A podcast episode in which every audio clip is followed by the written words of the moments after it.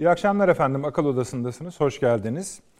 Bu akşam mühim, mühim olduğu kadar da ağır bir konu konuşacağız. Ve bu ağır konu e, diğer maddelere o kadar hızlı sirayet edecek ki göreceksiniz. E, aslında belki bölgemizde ve dünyada olan en az 10 parça gelişmeye de sirayet edecek. Doğasında var. Şimdi söyleyeceğiz efendim. Dün biliyorsunuz Sayın Cumhurbaşkanımız parti grubunda, Türkiye Büyük Millet Meclisi'nde bir konuşma yaptılar. Bu konuşmanın bir bölümü de esasında ağırlıklı bir bölümü diyelim. Ağırlıklı bir bölümü de dış politikaya ait idi. Ee, şu şekilde bugün gazetelerde manşetleştirildi. İşte Avrupa Birliği'ne ve ABD'ye uzatılan el diyebileceğimiz bir üst çatı altında bir e, yeni yılda yeni dönem işareti verdi. Fakat biraz bunun satırlarını okumakta fayda var. Açılışı böyle yapalım isterim. Çünkü biraz bunun tam ne olduğunu, neye matuf olduğunu ve diğer başka ülkelerle de ilişkilerimizi nasıl etkileyeceği üzerinde konuşmak icap ediyor. Ama önce tam ne biraz buna bakmak gerekiyor. Şimdi çok uzun değil zaten. Diyor ki Sayın Cumhurbaşkanı, ülkemizin ne doğuya ne de batıya sırtını dönme gibi bir lüksü yoktur. Avrupa ve Amerika ile ilişkileri geliştirirken Türk dünyasını, Asya'yı, Latin Amerika'yı, Afrika'yı asla ihmal etmeyeceğiz. Amerika ve Avrupa ile olan münasebetlerde yeni bir sayfa açmayı arzu ediyoruz. Çok yönlü siyasi, ekonomik ve askeri işbirliklerimizi Amerika ile kök, köklü bağlarımızın alternatifi olarak görmüyoruz. Esasında efendim açayım burada. Bu tartışmalar hatırlayacaksınız Türkiye'de bir eksen tartışması garabeti çıkmış idi. O dönemde uzun uzun yapıldı. Ee, biraz onun uzantıları da hissediliyor bu cümlelerde. Ee, hiç kimseye karşı ön yargımız, husumetimiz, düşmanlığımız bulunmuyor. Bugüne kadar bize bir adım gelene, bize hep koşarak gittik. Bugün de aynı samimiyeti ve iyimserliği muhafaza ediyoruz. Uzattığımız eli tutan tüm dostlarımızla birlikte barış, adalet, refah özellikle de bölgemizdeki gerilimlerin azalt gerilimlerin azaltılması için çalışmayı sürdüreceğiz. Bu bahsettiğim işte uzattığımız el biraz da e, genel olarak algılandı. Ama ben biraz şöyle düşünüyorum. İki gün önce Avrupa Birliği den gelen bir açıklama vardı. Borel bir açıklama yapmıştı. Türkiye'ye elimizi uzatıyoruz diye. Bu daha adrese yönelik. Ancak öteki taraftan hiç kimseye ön yargımız, husumetimiz, düşmanlığımız bulunmuyor. Bugüne kadar biz bir adım gelene biz hep koşarak gittik. Sözlerinin de Amerika Birleşik Devletleri'nin yeni başkanı Joe Biden'a e, yönelik olduğunu anlıyoruz, hedeflediğini anlıyoruz. Çünkü biraz önce yani bu cümlelerden kısa zaman önce diyor ki Sayın Cumhurbaşkanı e, ABD'nin yeni başkanı Joe Biden'ın Türk-Amerikan ilişkilerine gereken özeni göstereceğini de inanıyoruz diyor. Şimdi bu nihayetinde Türkiye'nin dış politikasında şahlanış dönemi üzerinden de konuşulmaya gayret edildi. Ancak şunu söylememiz lazım. Program ilerledikçe başka cümleler de alıntılayacağız bu konuşmadan göreceğiz ki daha farklı boyutları da var. Yani sadece bu şekliyle e, kıymetlendirmek doğru olmayabilir.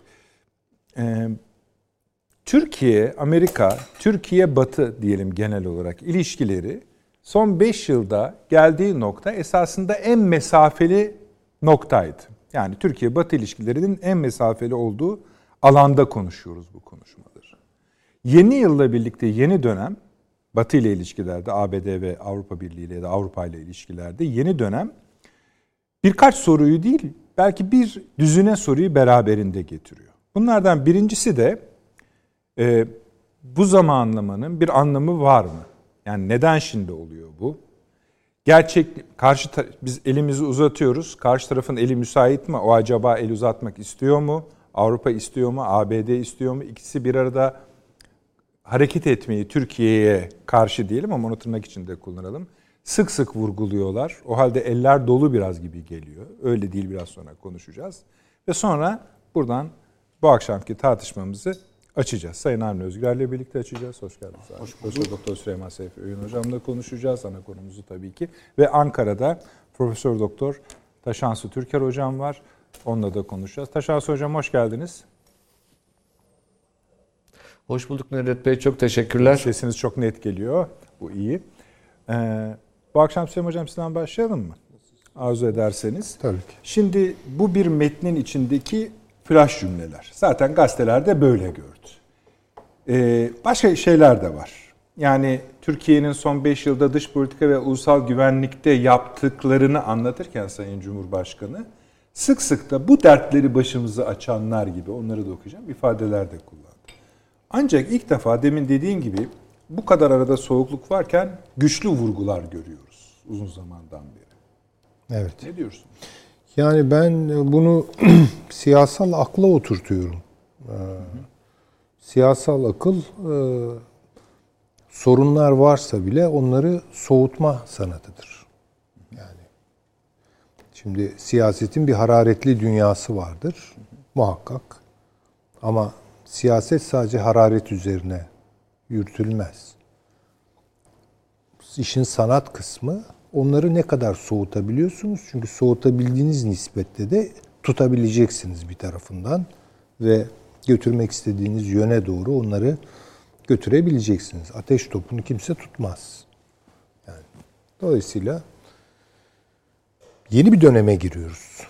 Çünkü Biden'ın seçilmesi lalettayn bir e, Durum değil. Durum değil. Lalettayn bir Amerikan seçimi yaşamadık. Yani sonuçta Trump mı Biden mı meselesi sadece Trump mı Biden mı meselesi değil. Bunların açılımları çok farklı. Ee, tabii ki bu farklılık Amerikan siyasetinde de aslında e, pek e, aşina olunan bir farklılık değil. Yani demokratlarla cumhuriyetçilerin aralarında ideolojik bölünmeler falan yok. Bizim Avrupa'da örneklerini gördüğümüz gibi veya bizde yer yer örneklerini gördüğümüz gibi. Yani bunlar yani böyle nüanslar üzerine falan. Yani ikisi de çok sistem içi ve e, insanların bence aktüel tercihlerinin konusu oluyor. Veya konjonktürel tercihlerinin, dönemsel tercihlerinin konusu oluyor. Bir dönem cumhuriyetçiler gelebilir sonra biliyoruz ki aşağı yukarı demokratlar gelecektir. Ya, ya da iki dönem biri geliyorsa iki dönemde öteki gidecektir. Yani dolayısıyla iktidarın el değiştirilebilirliği konusunda hakikaten böyle çok akışkan bir e, özelliği var Amerikan siyasi. Bu akışkanlık neyin ürünü? Çünkü sistem tartışmasına dayalı değil. Sistem içi pozisyon almalarla ilgili. Ama Biden'la Trump arasındaki gerilim sistemik bir takım meselelere karşılık geliyor. Bu gerilim o sistemik meselelerin hakkı karşılığı değil. Ben bunu daha evvel de söyledim. Ee, Özür dilerim. Bundan bize ne?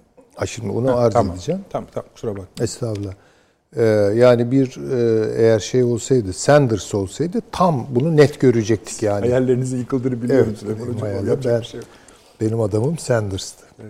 Yani ama bunun bir yansımasını gördük. Yani hakikaten Amerika kutuplaştı. Ne demek bu? Amerika kutuplaşıyorsa eğer bu Amerika ile sınırlı kalacak bir şey değil. Ya bu kutuplaşma kendini başka coğrafyalarda karşılıklar bularak üretecek veya mevcut bir takım kutuplaşmalar buna göre yeniden şekillenecek. Yani bu lale tayin bir Amerikan seçimi değildi. Şimdi tercih Biden'dan yana. Dolayısıyla işte Biden'dan ona beklenen göre- Ha. ama sadece Biden meselesi yok. Yani bütün o gerilimlerin de dünyada karşılıkları olduğunu görelim. Biden seçimi kazanmak suretiyle o gerilimleri aşmış değil. Bizzat o gerilimlerin içerisinde 4 sene e, icraatta bulunacak. Belki o gerilimler onun icraatlarını önemli ölçüde sıkıntıya sokacak. Bunları göreceğiz. Dolayısıyla Biden'ın gelişi nefes aldırıcı bir süreç değil. Mesela ben bu tarz yorumları görmüştüm. Yani dünya nefes alacak. Oh yani bu Trump denilen neydi belirsiz adamdan kurtulduk. İşte kurumsal siyaset yapacak, uluslararası hukuka göndermelerde bulunacak falan. Ya artık daha hesaplanabilir bir dünyada biz de ne yapacağımızı bileceğiz. Gidişatın bu şekilde olacağı kanaatinde değilim ben. Yani tam tersine o gerilimler Amerika'da zaten gittikçe daha da kendisini baskın bir şekilde ortaya koyacak. Alametler bu. Göstergeler bu. Ama bu aynı zamanda bütün dünyada da bir takım kutuplaşmaları, bir takım yeni gerilim alanlarını e, vücuda getirecek. Bir kere böyle bakmakta fayda var. Şimdi tabii Sayın Cumhurbaşkanı'nın Sayın Erdoğan'ın yaptığı konuşma bütün bu e, alarm verici belirtiler, emareler atlanarak yapılmış bir konuşma değildir. Yani eminim benim burada söylediğimden çok daha fazlasını istihbar ediyor veya danışmanları, işte bilgi kaynakları ona getiriyor. Yani çok daha gergin bir sürece girdiğimizi eminim o da fark ediyor. Türk siyasi karar alıcıları fark ediyorlar. Ama şimdi siyaset dediğim gibi e, madem böyle bir gerilim tırmanıyor biz de hemen pozisyonumuzu alalım. E, savaş tamtamlarını çalalım. Böyle karşılanmaz. İşte siyasetin sanat faslı orada başlıyor. Bunu önce soğutacağız. Soğutmanın yolu bir takım iyi niyet ifadelerini ortaya koymaktır. Yani bizim amacımız Türkiye olarak bu gerilimlerin bir parçası olmak değil. Biz Türkiye'nin çıkarları nispetinde ama aynı zamanda ortak çıkarları da ıskalamadan siyaset üretmek istiyoruz. Bu bir niyet beyanıdır. Geçen ay o niyetimiz yok muydu?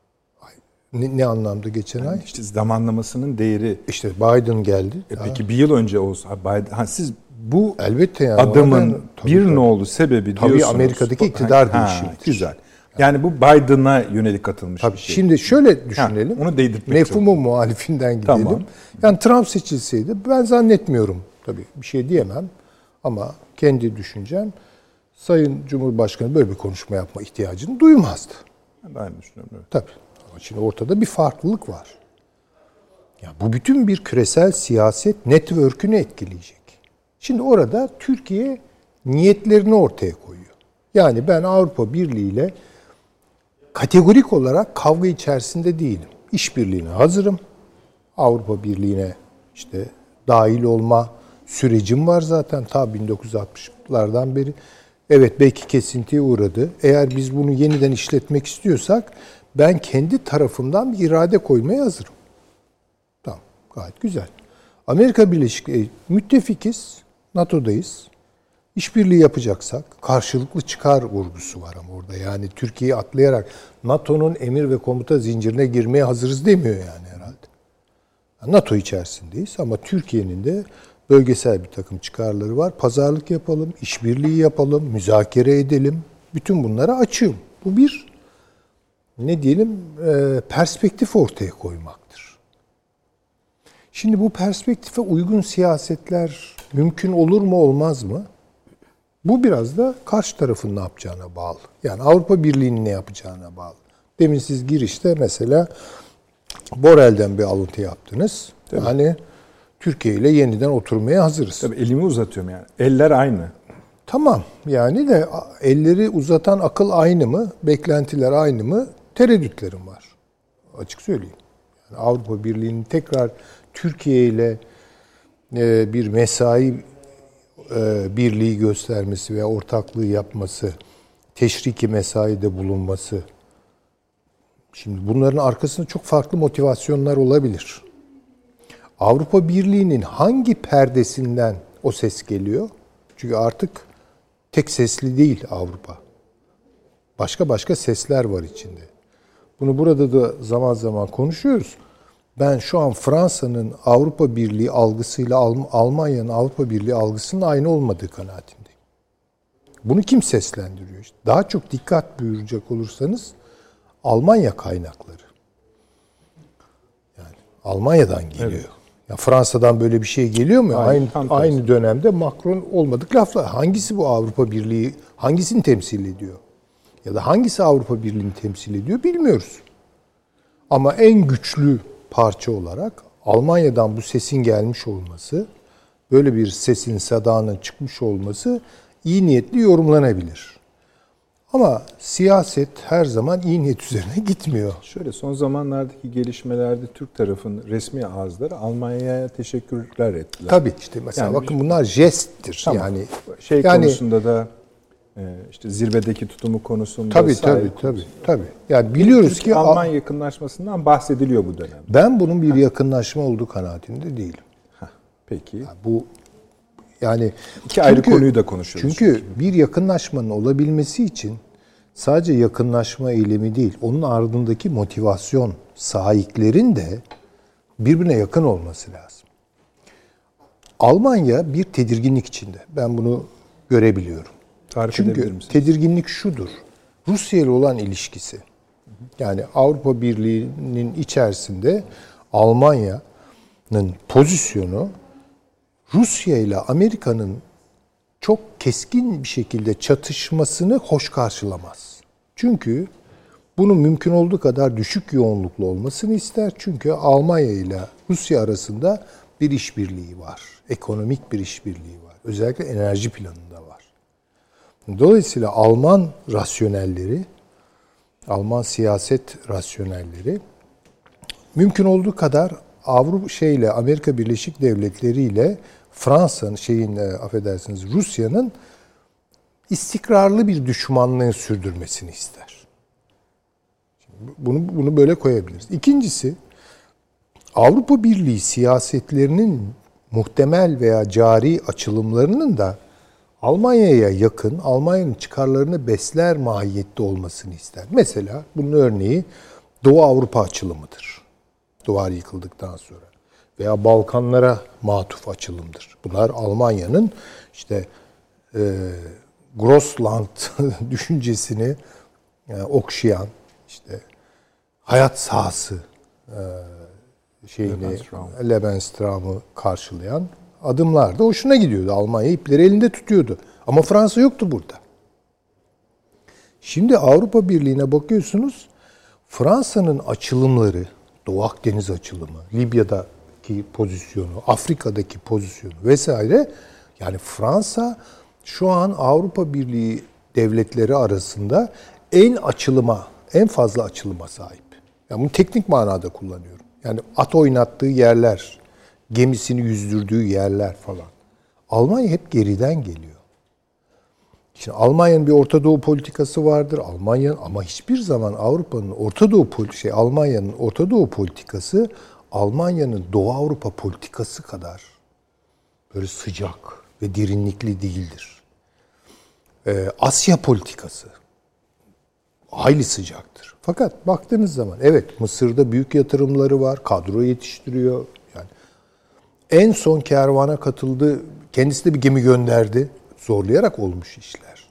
Oysa Fransa çok farklı bir pozisyonda. Şimdi şunu söylemek Şöyle istiyorum. yapalım hocam müsaade ederseniz. Tamam, Kesiyorum kusura bakmayın ama şu açıdan. O aynı cümlenin ortasından devam edeceksiniz ama şunu söylemek istiyorum ben. Şimdi bu e, konuşmanın hemen ardından neden böyle yapıyor Türkiye sorusuna şu cevaplar çıktı ortaya. Birincisi de muhalifler dediler ki e, ilk izlenimleri söylüyorum. "E, Çünkü dış politika sıkıştı zaten dediler. Yani ucuz Yani sıkıştı zaten çıkış yolu arıyorlar dendi. Yani kapısını aşındırıyoruz şu an. Ha tabii onlara göre öyle. Çıkışta artık bu yani. Yani biraz daha ileri götürürseniz o cümleyi teslim olacak işte Amerika'ya bilmem ne falan. Ee, daha yakın olanlar yani bu politikaya bir anlam yüklemek isteyenler efendim dediler diplomaside bazen yumuşak güç kullanırsınız bazen sert güç kullanırsınız. Ee, ortadaki bu ağır tartışma ancak bu, bu seviyede konuşulabiliyor. Her iki taraf için de söylüyorum. Bu seviyede konuşulabiliyor. Birincisi siz bu cevapları tatminkar buluyor musunuz? Yani şimdi Ben tabii- müsaade ederseniz sizi biraz şöyle hani rahatsız edeceğim ama. Estağfurullah. Şimdi birincisi şurada mutabık mıyız? Ondan sonra bir ara vereceğim çünkü. ABD, AB ve İsrail'e yönelik bir Türk yani Türkiye'den bir hareketlilik izliyor musunuz? Doğrudan bir hareketlilik izlemiyorum. Ee, Yani yani, mesela şimdi- bu konuşma doğrudan şimdi bir kere- biri değil. Hayır şimdi bunları biraz ayrı değerlendirmek lazım. Yani Türkiye-İsrail ilişkilerini, Türkiye-Amerika ilişkileri veya Avrupa ilişkileri gibi değerlendiremem. Ama Koparmak da iyi fikir midir acaba? hayır koparmıyor zaten Türkiye. Yani mesafe alıyor. Bunu görüyoruz. Yani şu an İsrail'i ben tanımıyorum demiyor herhalde. Yani koparmak bu olur yani. Öyle bir şey demiyor. Ama bir pozisyon alıyor, bir mesafe koyuyor. Şimdi Türkiye'nin Ben bu yakınlaşma açısından söyledim İsrail. yakınlaşma açısından doğrudan attığı bir adımı E, Şöyle şey, örnekler Mesela verebilirim. örnek olarak? Mesela Mart ayında bir büyükelçi atanacağına ilişkin Ama spekülatif diyebilirsiniz. Cumhurbaşkanı danışmanının açıklaması var. Bu konuda Mart'ta Ne diyor? olabilir diyor. ihtimal tamam. İşte ama yani o biz deyince Adım ihtimal, atılmış. Cumhurbaşkanı Ha, danışmanı deyince şu- ihtimal olmayabilir. Yani Türkiye şu anki gerilimlerini büyütmek istemiyor. Net bu çıkıyor. ortaya. Bur- buradan alarak gidelim. Hani Ama bunu keskin- tamir etmek ayrı bir aşamadır, ayrı bir süreçtir. Türkiye-Suudi Arabistan ilişkileri, Türkiye Birleşik Arap Emirlikleri ilişkileri, Türkiye-İsrail ilişkileri bunlar veya Mısır yani hemen böyle bir çırpıda ben geldim adım attım bekliyorum seni değil gel beraber sen de atış yapalım atmaya Süleyman Hocam. niyetliysen gel beraber atalım diyor. O zaman şöyle biraz keskin hale getirelim. Nihayetinde şu lafı söylerler yani bu tartışma yapar. Kardeşim sen son 5 yıldır Amerika Birleşik Devletleri'ne, Avrupa Birliği'ne, İsrail'e çok ağır ilişkilerde bulunuyordun. Bu nedir demezler mi? Ay şimdi şöyle bir e, Cevap açıklaması reklamdan sonra gidelim zaten Peki, izin verirsiniz. tamam. Başlayın Oldu, beni. estağfurullah. Biliyorsunuz saatler meselesini, dakikalar meselesini. Efendim tartışmalı bir konu bu. Biraz aşmaya gayret ediyoruz. İlerleyeceğiz. Hemen geliyoruz.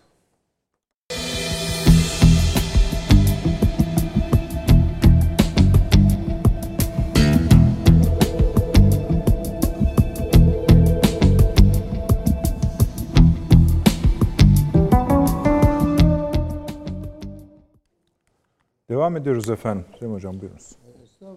Yani bir kere Avrupa Birliği diye çok mütecanis bir şey yok artık. Yani oradan gelen seslerin neyle akortlandığını atlayarak, ihmal ederek e, bence çok doğru bir e, değerlendirme yapmak mümkün değil. Şu an Avrupa Birliği içerisinde gittikçe ısınan eski bir hesap var. Almanya-Fransa hesabı. Bunu vurguluyorum. Fransa ön aldı. Yani çünkü Fransa'nın Afrika'da yaşadıkları, işte Doğu Akdeniz'e doğru işte kendini ortaya koyması, Yunanistan'la işbirliği yapması vesaire bunlar bakın Almanya'sız giden işler. Yani Fransa tek başına bunları yapıyor. Diyeceksiniz ki canım Fransa'da bir ulus devlet. O da kendi bildiğini okur. Ama öyle yok artık. Avrupa Birliği diye bir şey var. Dolayısıyla Avrupa Birliği çevrelerinden gelen ses kimin sesidir? Bunu e, ayırmak lazım. Almanya'nın Türkiye'yi kollayan son yaklaşımları bence biraz Fransa'yı durdurmakla ilgilidir. Yani hoşlanmadı bundan. Bir kere Yunanistan çok bakınız çok tipik bir düğüm noktası. Yunanistan Fransa ilişkilerine bakın. Güllük gülistanlık. Almanya Yunanistan ilişkilerine bakın çok problemli. Şu an Yunanistan'da kamuoyunda en büyük nefret e, öznesi Almanya. Nefret ediyorlar. Ve Fransa orada bu yakınlığı kurmak suretiyle yani Fransa'ya diyor ki şey Yunanistan'a diyor ki boş ver Almanya'yı ben varım. Şimdi buna dikkat etmek lazım. Ama tabii bunun üzerine konuşacak değil e, Sayın Cumhurbaşkanı. Gayet tabii canım. Tabii kurumsal konuşacak. Gayet diyor ki Avrupa Birliği. Orada bu çelişkiyi gördüğünü hissediyorum ben. Metin onu söylüyor. Metin onu söylüyor. Özellikle Almanya'ya teşekkür. Yani. E Şimdi bakıyorsunuz İspanya'da var işin içerisinde, İtalya'da var yani Türkiye'ye yakın duran işte e, Doğu Avrupa'dan destekler var filan. Var, var. Yani bakınız. 8 ülke var. Ha. Yani bu bence Türkiye'nin bu bölünmeyi iyi gördüğünü benim kanaatim budur ve kullanmak isteyeceğini gösteriyor. Ve burada tabii çok nazik bir e, özne var. O da Almanya gibi Avrupa deyince evet ilk akla gelen. Hala ilk akla gelen. Öyle. Bunun yolunu açıyor. Yani Türkiye ile Almanya arasındaki anlayış birliği demesen bile yakınlığı göstergeleri model olsun diyor yani. Siz de bizi anlayın. Bu kadar. Buradan Türkiye Avrupa'nın kapısına çağrını açar, yattı, kurtuluşu orada. Bunlar tabii çocukça. Yani Öyle. bakın bunları ben çocukça görürüm. Çocukça değerlendirmelerdir. Onun için çok ciddiye almakta doğrusu zorlanırım. Amerika'ya baktı ki Amerika evet Amerika'ya tekrar dönmek mümkün mü? Türkiye Cumhuriyeti ile NATO arasındaki ilişkiler 1950'lerdeki gibi olur mu? 1960'lardaki gibi olur mu? Mümkün değil. 80'lerdeki gibi de olmaz. Gibi de olmaz. Başka bir şey var. Dolayısıyla yani burada iyi niyet göstermek suretiyle yani sen de bir düşün. Bu ilişkilerin bir muhasebesini yap. Eğer senin de bu konuda bir iyi niyetin olursa sen bir adım atarsan ben de oraya gelirim diyor. Hepsi bu. Batıdan vazgeçmiş, geçmişlik, doğuya külliyen yüklenmek veya doğudan vazgeçip tekrar batıya bunların da olamayacağını söylüyor. Son derece doğru. Yani bunu her aklı başında insan da zaten öngörebilir. Buna nasıl bir isim koyabilirsiniz? Mesela siyaset düzeltmesi mi diyelim? Ne diyelim buna? Siyaset düzeltme yani yani Biden olduğu için dediniz. Tabii yani, tabii. tabii asıl tabii, o, tabii. yani o, mesele bu. O. Biden olduğu için Türkiye buna göre pozisyonlanıyor mu diyoruz? Ne diyoruz? Tabii ki pozisyonlanıyor. Hı, Tabii ki pozisyonlanıyor ama bunu yaparken de tarihsel mecrasına, coğrafyasına ve orada oluşturduğu ağırlığa dayalı bazı şeyleri hissettirerek yapıyor. Yani bu eskisi gibi olmayacak. Açık. Yani Türkiye'nin çıkarlarını atlayarak. Nitekim sizin bahsettiğiniz konuşmanın başka bir boyutunda ben Türkiye, Amerika Birleşik Devletleri veya genel manada Batı ilişkilerinin geldiği bu krizli durumun arkasında neler yattığını da unutmuyorum. Siz bu ülkede darbe yapmaya kalktınız. Değil mi? Siz e, efendim bu ülkede kirli bir takım siyasetlerin arkasından çıktınız. Değil mi? Tabii. Bunları da ben görmüyorum. Hani oturacak, müzakere edeceksek, ilişkileri normalleştirme falan olacaksa, bunun da uzun soluklu bir normalleştirme olmasını istiyorsanız, benim dosyamdaki e, başlıklar bunlardır.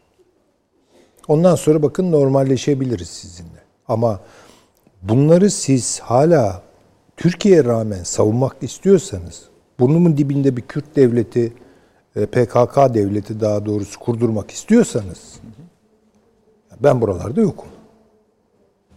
Ve batıysa üzerime gelen benim doğuyla kurduğum bağlar var. Eğer doğuysa üstüme gelen batıyla kurduğum e, bağlar var. Dolayısıyla yani Türkiye'yi herhangi bir şekilde angaje edecek, sonuna kadar alanını daraltacak özel vurgulardan kaçınıyor. Hem hissettiriyor bir takım şeyleri, çok kritik bir şeyleri. Çünkü bu mümkün değil. Mesela yani, bir satır okuyayım mı size başlangıç bölümünden? Evet, bir satır. Buyurun, tabii. Bugün, bugün de PKK'dan FETÖ'ye kadar envai çeşit terör örgütünü üzerimize salanlarla içeride bunların borazanlığını yapanların ipi dikkat edin aynı ele çıkıyor. Tamam, yani bakın işte ben görüyorum diyor. Ha şimdi şöyle bir senaryo kuralım kafamızdan. Biden geldi ve e, Pensilvanya'daki o örgütü mensuplarını deport etti ve Türkiye'ye teslim etti. Hatta mesela şunu yaptı. Biraz daha hani hayal kurmanın vergisi yok, yok ya. Doğru. Yani diyelim ki e, kendi e, kadroları içerisinde onunla işbirliği yapanları da deşifre etti. Hatta mahkemeye e, tamam şimdi bu uzun soluklu bir normalleşmenin göstergesi olur. Veya Biden geldi dedi ki yani Türkiye Cumhuriyeti bir NATO ülkesi. Biz PKK'yı bundan sonra desteklemeyeceğiz dedi. Tamam. Diyor mu bunları? Demiyor. Ben meseleleri biraz orada o iki nazik mesele üzerinde tartıyorum. Var mı bunun alametleri? Yok. Avrupa Birliği diyoruz Fransa veya Almanya'nın bu konuda geri adım atmışlığı var mı? Yok. E yani. Dolayısıyla bu konuşmadan işte zeytin dalı uzatıyor. Oradan da zeytin dalı gelecek. Yok sıkışmışlık Beraber yok bir şey. böyle bir şey yok bir yani. cümle daha ekleyeyim müsaade edin. Oysa ne Türkiye ekseninde bir kayma ne de ülkemizin terör örgütleriyle mücadelesinde bir zafiyet vardır. Onu da söylüyor yani. O kararlılığını gösteriyor Ee, işte Türkiye'nin. Bu ilginç. Onu başka bir bölümde tartışacağım o cümleyi okuyayım. Hatta ülkemiz DAEŞ başta olmak üzere terör örgütleriyle pek çok farklı coğrafyada göğüs göğüse çarpışan tek, Tek ülke yani. tek Anla- NATO tabii, üyesi. tabii. Şimdi tabii o cümlenin devamı herhalde şöyle olurdu. Onlarla çarpışan tek NATO üyesi ülkeyiz ama onları destekleyen NATO ülkeleri daha çok da diyebilir. Diyebilir bilirdi. arkasından gelebilir. Yani ima tarafları da var bunun. Yani bunu adreslediği e, ilgili Boşlukları şahıslar doldurun diyebilirdi o- yani. onlar onu anlarlar Yani zaten. anlıyorlar tabii. Onu onu anlarlar. Peki. Ee, bu bunu yalnız şey olarak yani bu işte muhalefet tartışıyor, iktidar partisi söylüyor falan. Bu Türkiye Cumhuriyeti Devleti'nin açıklamasıdır. Sayın Cumhurbaşkanı'nın ağzında tecessüm etmiş olan. Bunun arkasında işte Türk reel politiğini düşünen, kurgulayan Evet. bu- kadrolar yani bu vardır bir yani. AK Parti Bu- siyaseti ha, diye AK değil. Parti Gayet grup konuşması Bu bir aslında değil. siyaseti. Tabii Gayet tabii. Odur yani. Onu da Gayet. söyleyelim. Peki. Teşekkür ederim. Rica ederim. Ee, ben e, hocamın özellikle bu Almanya ile ilgili analizi noktasından başlayarak e, Amerika'ya geliriz nasıl? Tamam. Ee, Almanya bir suçluluk duygusu içerisinde yaşayan bir ülke. Yani ben şu kadar insanı öldürmüştün sen diye ikide bir adamın suratına vuruluyor bu. Efendim. e, Başka konularda bir hata yapsa orada da onu vuruyorlar. tabii de- döndürüp oraya hani Bağlıyorlar. sen soykırım hani hatırlıyorsun değil mi filan diye mutlaka bir soykırım filmi yapılacaksa Almanya ona kafadan destek veriyor filan yani. Hani sen bizimkileri öldürmüştün ya filan diye. Bu. Bunun için Almanya e, Almanya'nın Avrupa'da evet şu anda ekonomik gücü dolayısıyla başka bir gücü yok zaten. Ekonomik gücü dolayısıyla e, Avrupa'da hükmediyor. İdi diyelim ona. Yani bugün o diyelim ki dünün Avrupa'sında Avrupa Birliği'nde Almanya'nın gücü 100 idiyse bugün indi bu 70'e falan. Yani o kadar borusu o kadar ötmüyor. Çünkü beslenen ümitleri kırdı. Herkes akıtacak bunlar parayı. Biz de özellikle Doğu Avrupa'da e, bizde bol bol eurolar gelecek.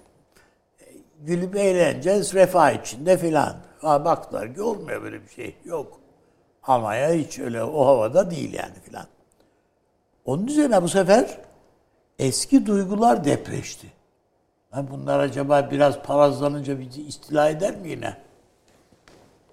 Yani geçmişte bunu iki defa yaptılar. Niye bir üçüncüsü olmasın? Yani bunlar, bunlardan her şey beklenir diyor bu Almanlardan adam. Bunlardan huylanıyor diyor. Dolayısıyla e, bu bu tedirginliği Almanya hissediyor da zaten.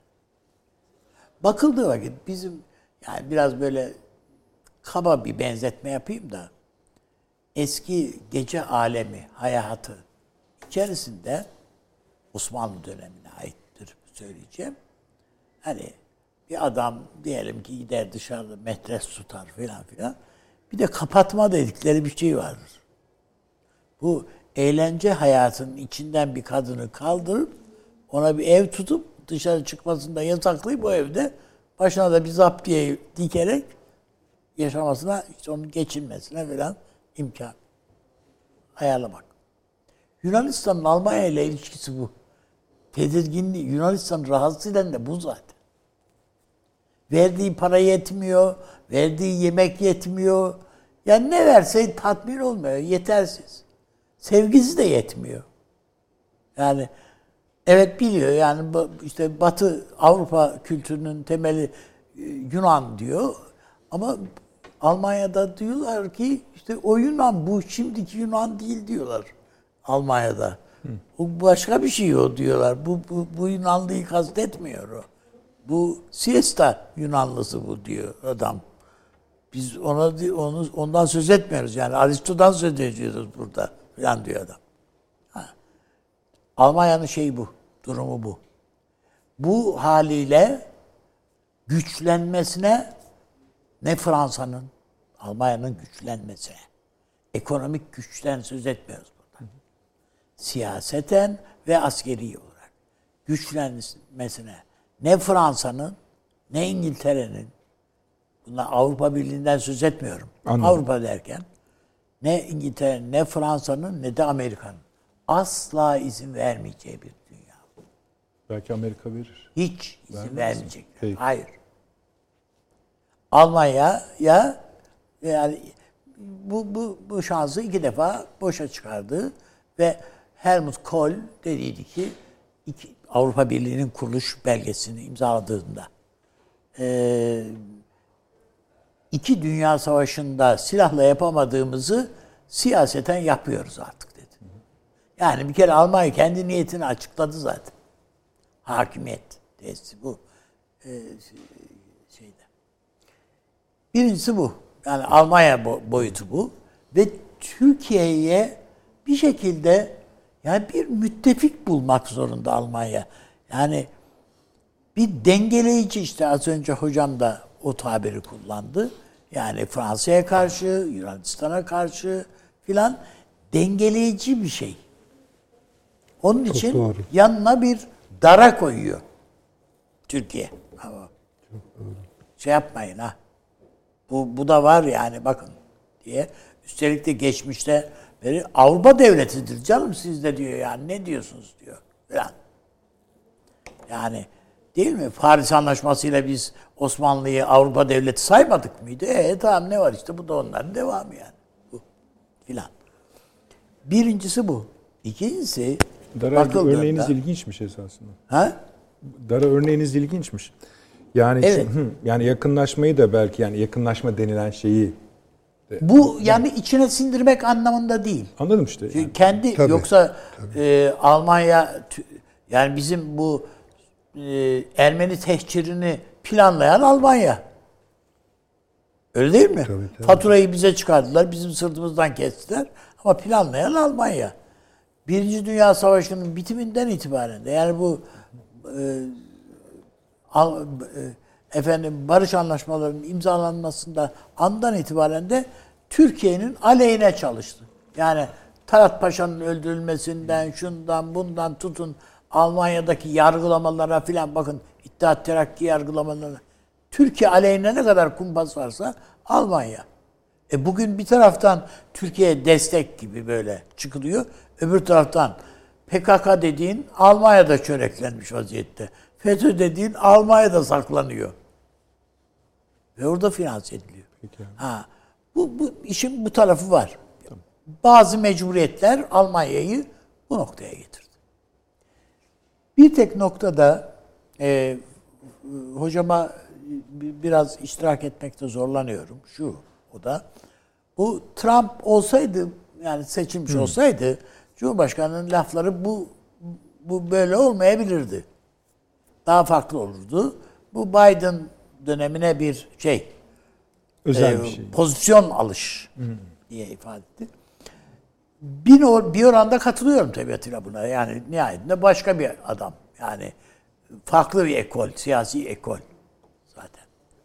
Ama Trump da kazanmış olsaydı, yani bizim şu anda şikayet ettiğimiz ve Biden acaba şunu şunu şunu şunu da yapar mı dediğimiz yani bir takım öngü şeylerimiz var yani. Kötü haber şeyleri, tahminlerimiz var. E bunları zaten Trump yapıyordu. Yani Pompeo son geldiğinde bunların hepsini önümüze taşıdı zaten. Ama o zaman başkanlığı düşmüştü. Şu var. Hayır tamam ben de itiraz etmiyorum. Yani Türkiye'ye yapmadığı numaralar kalmadı Trump'ın da bir. Ama daha ötesi başkanla durumumuz aramız iyi. Mesele sadece Trump meselesi değil. Biz Pentagon'la kavgalıydık. Tamam. Yani Amerikan derin devletiyle kavga kavga ettik. burada başkan bazen Trump Türkiye'ye jestler yaptı. Tayyip Erdoğan'a jestler yaptı. Yani liderlerin ikili ilişkilerindeki şeyler bazı imkanlar, kapılar açtı. O kadar. Ama daha ötesi değil.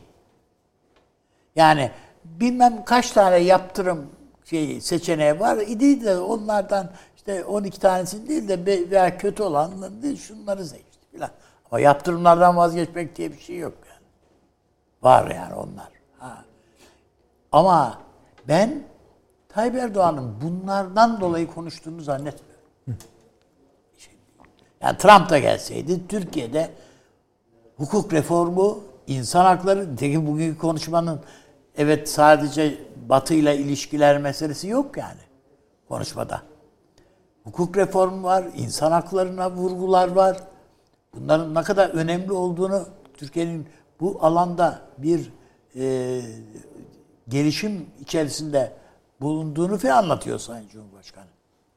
Bu Trump seçilseydi bunu yapmayacak mıydık yani? Hani şöyle ama Biden'ın da hassas olduğu ve üzerine gitmeyi sevdiği Hayır, konular tamam bunlar. diyelim ki bu ilaveten üstüne bir şey. Ama Trump da gelseydi Türkiye'nin bütün ilişkileri gerek Batı'yla gerek Amerika'yla ilişkilerinde yani Trump'tan ibaret değil yani Amerika'da. Onun dışında da bir dünya var. Kongre var yani önüne getiriyorlar. Birçok şeyi. Dolayısıyla yani bütün bunları onunla da yapmak zorundaydık biz. Ve Sayın Cumhurbaşkanı'nın konuşması seçimden önce de Türkiye zaten bir dizi hukuk reformu diye başlamıştık değil mi? Hatırlıyoruz yani bunların hepsini. Son bir yılımız böyle geçti. Kaçıncı paket, üçüncü paket, dördüncü paket. Değil mi? Bunları biliyoruz.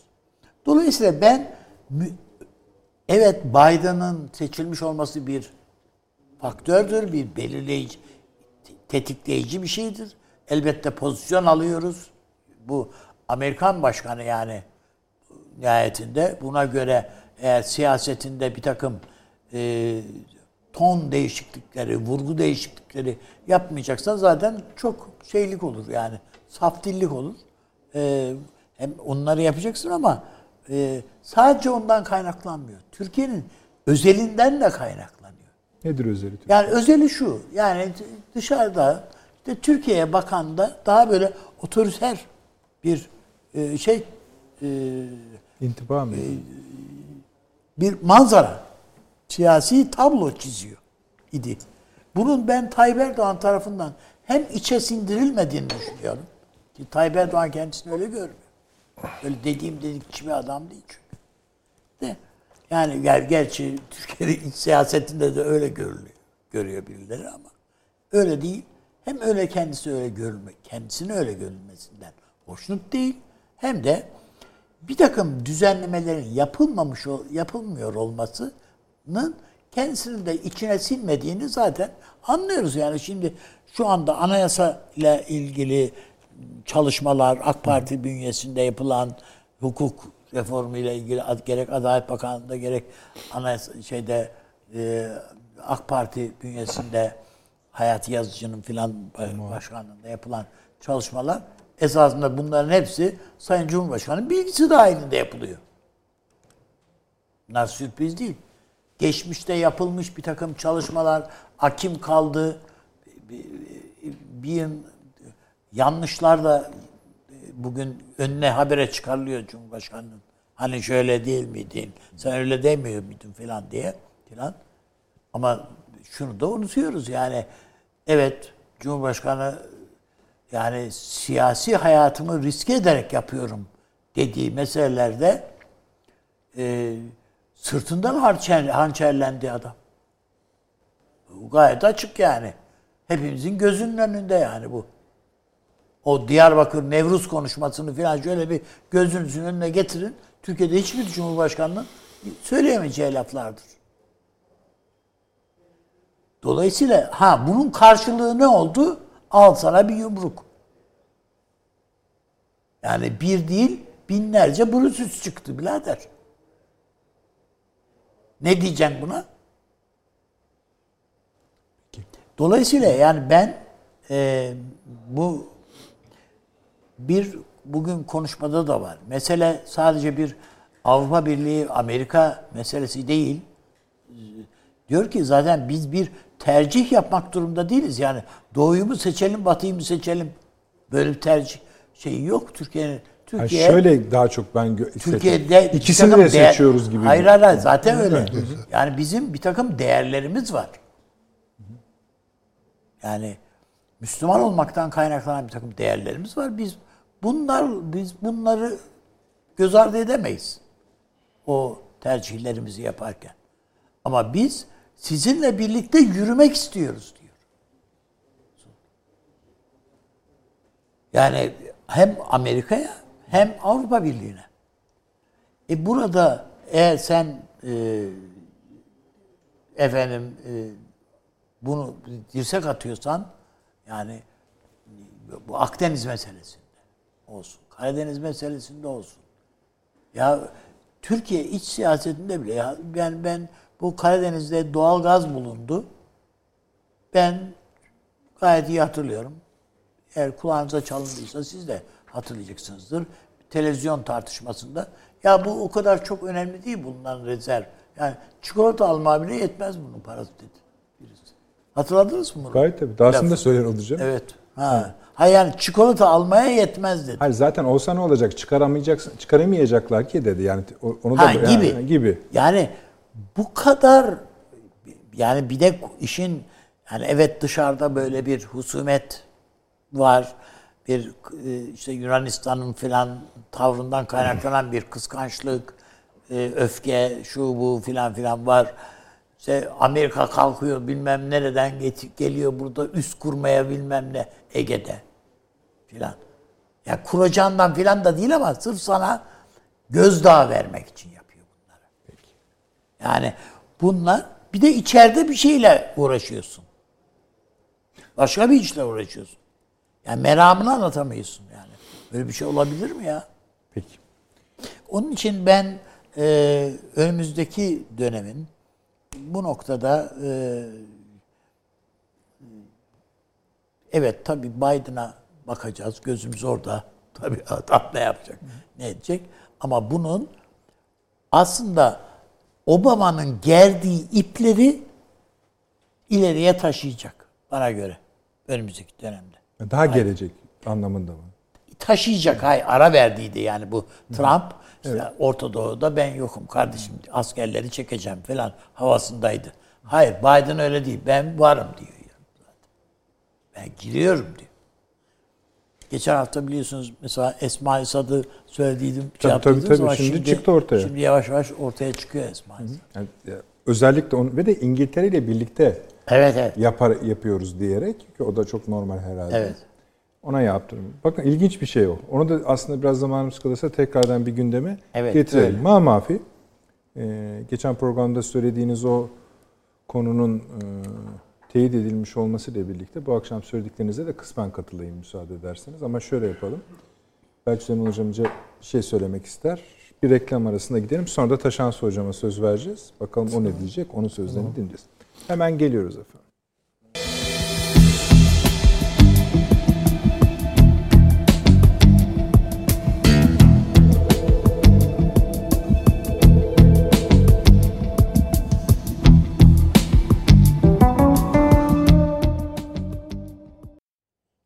Evet devam ediyoruz efendim. Hemen Taşansı hocamıza gideceğiz. Beklettik bayağı. Bakayım ne kadar olmuş. Bir saattir bizi bekliyor çok. Ee, sabrınız için teşekkür ediyorum Taşansı hocam. Sağ olun. Yo, esta, Ee, esta, esta, estağfurullah olur mu? Bir Süleyman hocam çok kızdı Avni Bey'e. Onun için birkaç şey söyleyeyim. Onun birkaç şey söylesin. Tabii tabii ki. Hemen Tabii. geliyoruz. Çok uzatmayacağım ama şu e, farkı görmemiz lazım. Trump döneminde Avrupa Birliği e, ister Fransa cephesinden ister e, Almanya cephesinden bakalım. Amerika Birleşik Devletleri'nin yani onun temsilcisi olarak Trump'ın hışmına uğradı. Ve tamamen kopuk ilişkiler ve çok belirsiz ilişkiler. Şimdi Biden gelirken ilk söylediği ve en vurgulu bir şekilde söylediği yeniden Avrupa Birliği Amerika Birleşik Devletleri bağını kurmak. Transatlantik diyoruz buna. Güzel. Ama şimdi şunu unutmayalım. bu çağrı, bu e, doğrultu öyle diyelim. Fransa'da nasıl tınlar, Almanya'da nasıl tınlar? Bunlar da farklıdır. Fransa'da bu çok büyük bir kabul görür. Zaten e, ben tekraren söyleyeyim, e, çok e, derinleştirmeden ayrıntılarını konuşmuştuk çünkü. Ben Avrupa Birliği, Amerika Birleşik Devletleri ilişkisini ABD Fransa üzerinden temellendiriyorum. Ve Fransa burada Amerika Birleşik Devletleri'nin Almanya'yı kontrol etmesi itibariyle çok daha NATO'cudur. Bakmayın o çıkmışlar, şikayet Tamam, etmişler hocam, vesaire. doğru. Yani çok daha NATO'cudur. Ee, ama bu Almanya'nın canını sıkar. Yani Avrupa Birliği ile Amerika Birleşik Devletleri'nin çok sıkı bağ kurması o kadar Almanya'yı heyecanlandıracak bir şey değildir. Çünkü Almanya'nın Hatta aksine tedirgin de tedirgin eder. de eder. Tedirgin de eder. Şimdi bakınız e, Biden'ın uluslararası açılımlarına hep Afrika konuşuluyor. Yani Fransa ile anlaşıyorlar. Doğu Akdeniz konuşuyor. Yani bundan sonra Fransa ve Yunanistan tek başına gelmeyecek Doğu Akdeniz'de karşımıza. Amerika Birleşik Devletleri ile birlikte gelecek. Dolayısıyla Almanya faktörünü hala ben görece olarak ayırıyorum. Şu- O nüansları iyi değerlendirmek gerekir. Avrupa Birliği Amerika'nın e, baskısını karşılamak için kurulmuştur. Bunu hatırlıyoruz. Sık sık hatırlıyoruz. Adenauer'lar, De Gaulle'ler bilmem neler. Peki. Bu ne demek? Yani Bu tek değil parantezin içinde bilinir bu evet. çok önemli bir sebep. Tabii tabii ana sebep, ana sütunlardan biri. Tabii yani euro dolar meselesi yani. en Almanya'da baştan. önemlidir. Ha, esas Almanya'yı onun içinde bloke. Bu Fransa'yı daima rahatlatan bir şeydir. Almanya'nın her büyüme hali gerektiğinden daha fazla büyüme hali ki bunun tipik örneği 70'lerdedir. 40 milyar mark fazla verince Alman ekonomisi petrolü patlatıverdiler. Yani şimdi dolayısıyla oradaki dengeleri iyi yakalamak lazım. Almanya ile dolayısıyla Türkiye'nin kuracağı ilişkiler Fransa ile Türkiye'nin kuracağı ve Amerika Birleşik Devletleri ile kuracağı ilişkilerle ters orantılı seyretme. Bir Şeyde daha ne söyleyeyim, düşünüyorsunuz bir daha hocam? bunu. Bu Trump seçilseydi Erdoğan böyle konuşmazdı. Konuşmaz. Ee, Biden seçildiği için böyle konuşuyor. ki. Mu? Tabii ki. Orada. Yani İşte çünkü yani bu bir konjonktür. Ne yapalım yani her Bunu söylediğinizde tasdik edecek. Hayır şey yok. hocam ben de tasdik edecek. demiyorum. orada farklı Hani düşünüyoruz Ben tabii. şöyle yani bu insan hakları, hukuk, efendim şu bu Tamam, onlar- vurguları Tayyip, Ta- Trump da gelseydi. Hayır, onları kastetmiyorum ama ben o Ama konuşmadaki Ben ama hukukla ilgili Türkiye, meseleleri Biden kastetmiyorum. gibi bir başkanın yani negatif gelen, negatif söylemle gelen bir başkanla yola girerken bir konuşma yapılabileceğini kestirebiliriz. Yani evet yapılabilirdi. Ama Ee, Türkiye'nin kavgası onu diyorum. ama Türkiye'nin bu- kavgası bu- Pentagon'la. Tamam. Ve bununla bunu sürdürmemiz bu bu bunu sürdürmemiz O zaman yani zor. bu, ay, bu teşhisiniz doğru ama Trump bu ayrımı yaptığınız zaman konuşmanın metni de ikiye zor. ayrılıyor bir şekilde. Evet. Peki. Çok teşekkür ediyorum. Evet. Hocam. Taşans hocam serbestsiniz buyurunuz. Öyle söyleyeyim. Ee, Valla neresinden başlayayım ne, ne diyeyim bilmiyorum yani. e, Açılırsınız siz bir başlayın.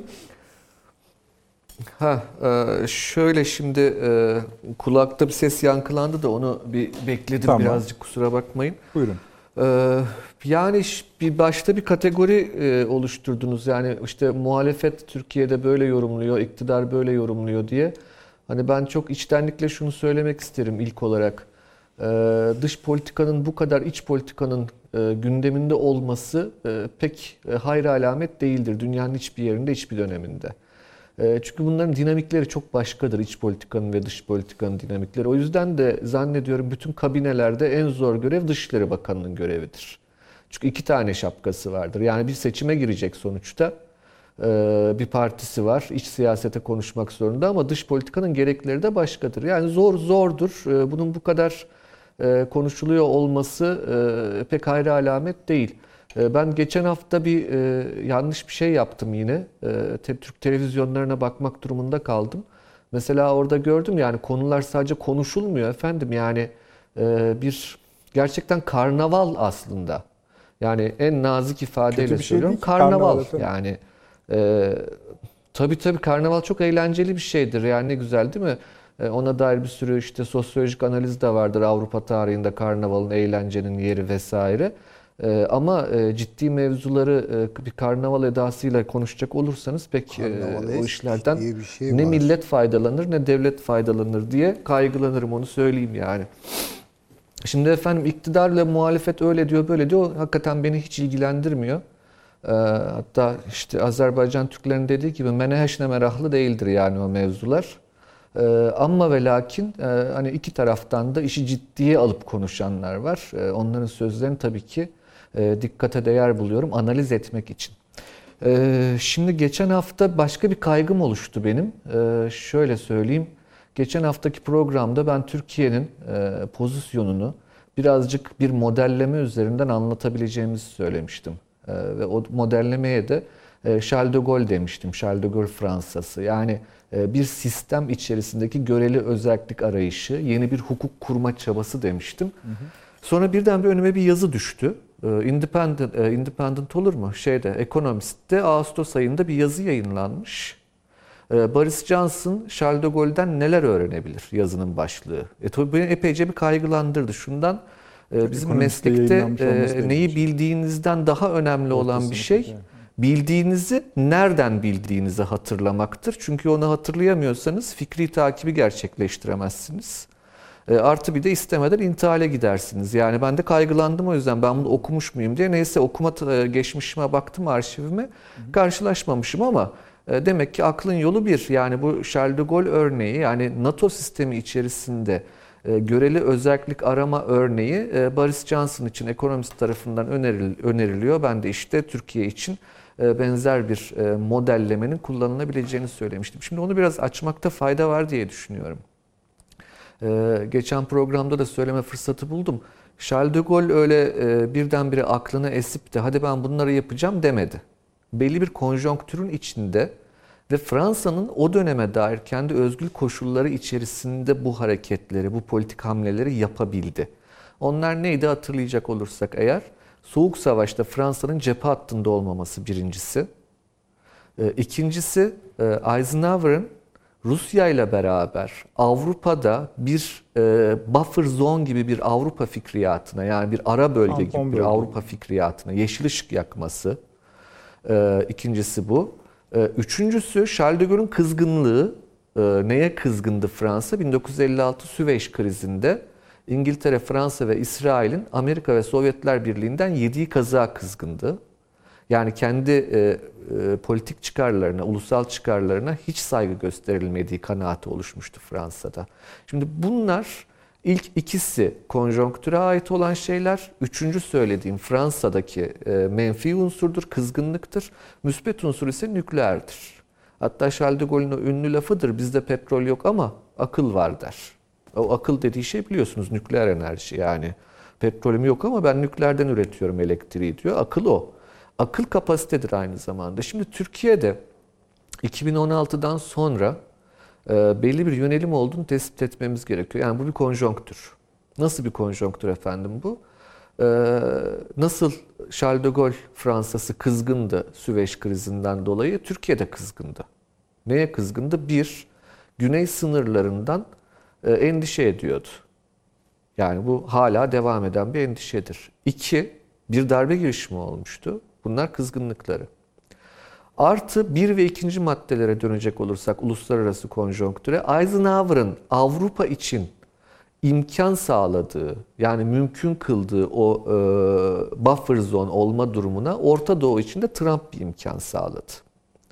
Dolayısıyla bir böyle bir konjonktür vardı.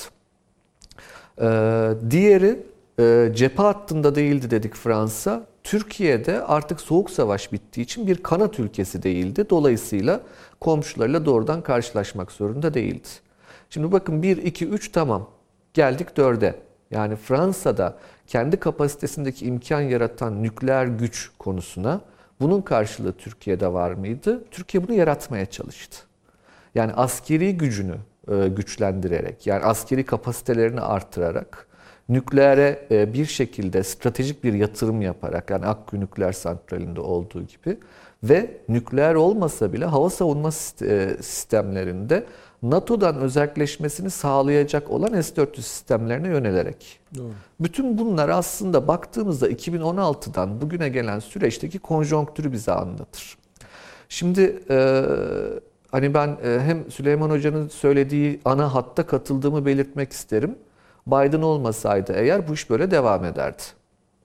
Ancak hani Avni, Avni Bey Üstad'ın söylediği husus da çok önemli. Yani bunları Biden için yap yapıyor olamayız herhalde. Türkiye'nin de ihtiyacı olan şeyler. Yani insan haklarını kim istemez? Demokrasiyi kim istemez? E, kesinlikle katılıyorum. Biden için olmasa da bunların yapılması lazımdı da ama aynı zamanda. Yani sonuçta bunların adı da çok da anılmadı. Bunu kabul etmemiz gerekiyor.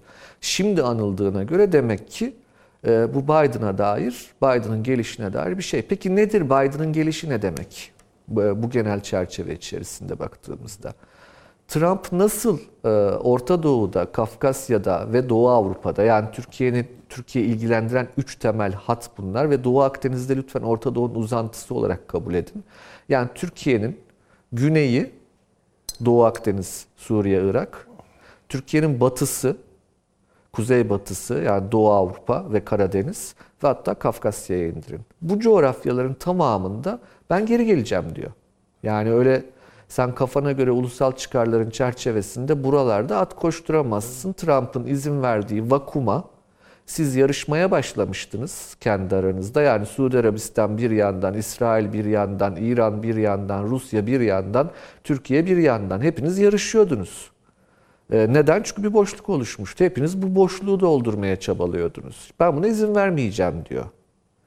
Ee, var ya o yeni şey bu nedir ona rap şarkıları mekanın sahibi geldi diyor yani. Ben geldim buradayım. Dolayısıyla benimle uyumlu olmak zorundasınız diyor. Birincisi bu. E, konjonktüre dair. İkincisi e, senin diyor komşularına dair e, tehdit algın zayıflamış olabilir. Burada kastettiği Rusya'dır. E, bunu söylemek gerekiyor. Ancak diyor benim temel hattım Rusya karşıtlığı olacağı için mesela o eski e, Amerika Birleşik Devletleri'nin Moskova sefiri e, şey vardır Mike McFaul. E, o işte geçen hafta uzun uzun açıklamalar yaptı. Rusya'da büyük gündem oldu onun açıklamaları. Biden'ın diyor birinci önceliğidir Rusya'nın canını okuyacak. Yani işin özeti mealen özetliyorum söylediklerini. E diyor ikinci olarak diyor hani sen rahattın ya diyor Rusya Amerika arasında tercih yapmak zorunda değilim diyordun Trump döneminde. Şimdi zorundasın diyor. İki bu. Üç, e, Türkiye'nin kızgınlıkları vardı. Onlar hala devam ediyor. Yani bizim hala güney sınırlarımıza dair sıkıntımız var. Bu Doğu Akdeniz'e uzayacak. Bu gerçekle yüzleşmemiz gerekiyor. E, orada bile Türkiye mesela çok e, nasıl söyleyeyim yani bunu yapıcı adım diyebilirsiniz. Oruç Reis'in Antalya'ya çekilmesine. Ee, yeni Navtex biliyorsunuz Antalya Körfezi'nde ilan edildi. Doğru. Ya da geri adım diyebilirsiniz nasıl arzu ediyorsanız. Yani ben tanımlamak istemiyorum bunu. Hı hı. Doğu Akdeniz'de de böyle bir şey var. Şimdi üçüncüsü bu. Dördüncüsü açık açık yüksek sesle e, Amerika Birleşik Devletleri Dışişleri Bakanı ki e, her ne kadar Trump kabinesinde yer alsa da e, son dönemdeki hareketleriyle sanki Trump ekibinin yargılanmasından korktuğu için Pentagon'a yanaşmaya çalışan Bolton, Bolton nereden çıktı? Pompeo e, açık açık şöyle bir cümle kurdu. Türkiye'nin askeri kapasitesindeki, kapasitesindeki artış bizi kaygılandırıyor. Şimdi bakın şartlar ve ülkenin koşullarını bu dört başlık altında değerlendirdiğimizde De Gaulle'yen model ile ee, Soğuk Savaş dönemi NATO modeli arasındaki bir salınımı tespit etmemiz gerekiyor. Türkiye burada bir şeyin farkında. Türkiye için ideal olanın tabii ki kendi gündemini, kendi ajandasını belirleyebilmesidir. Bu, bu, e, bu inanılmaz bir güzellik. Kim istemez bunu? Yani bizim bildiğimiz zaten e, uluslararası siyaset dediğimiz şeyin temelinde de varsayım olarak ulusal çıkar kavramı bu demektir. E, ancak Amerika'nın dünyaya söylediği bugünlerde e, bu ulusal çıkar kavramına çok da itibar etmeyeceği yönünde. Benimle uyumlu olmak zorunda diyor ulusal çıkarınız. E peki sizin tehdit algılarınız vardı. Onlar ne olacak? İşte o noktada benim anladığım bir şekilde Türkiye Batı ile konuşmak istiyor. Batı ile derken Amerika ile. Konuşmak için çaba sarf ediyor Türkiye. Farklı kanalları zorluyor. Farklı kanallar açmaya çalışıyor. Ancak benim intibam, e, yani bir bilgim yok. E, birazcık da o yüzden çok da beni ilgilendirmiyor diyorum iç siyasetteki şeyler. Çünkü iç siyasette konuşanların herhalde bilgileri vardır. İktidarda zaten bilgi var. Muhalefette herhalde bilip de konuşuyordur. Ben bilmiyorum yani akademisyen olarak gazeteden okuduklarımı biliyorum ama gördüğüm kadarıyla hani bir e, kapı aralanmış gibi görünmüyor Biden ekibi tarafından. E, Türkiye aynı anda Avrupa Birliği içerisinde stüdyoda konuşuldu biraz önce Fransa Almanya yarılmasından faydalanmaya çaba gösteriyor. E, orada hani Almanya'nın bir el uzattığı belli. Bu açık. E, onu da hani kısacık hemen parantez içinde fazla Tabii, tabii, uzatmak buyurun. istemiyorum Avrupa bahsine ama şuna kesinlikle katılırım. Fransa ve Almanya arasında bir yarılma olduğu, iki farklı akıl dünyası olduğu, iki farklı jeostratejik hat olduğunu tespit etmek lazım. Ancak e, gelenekler ve an her zaman birbiriyle uyumlu olmaz. Şöyle söyleyelim Almanya ve Fransa rollerini değiştirdiler Avrupa'da. Normalde NATO içerisinde özellik peşinde koşan ve dünyaya bir medeniyet tahayyülü sunabileceğine inanan yer Fransa idi. Bugün Fransa Amerika ile eklemlenme taraftarı bir iktidara sahip. Macron iktidarı odur.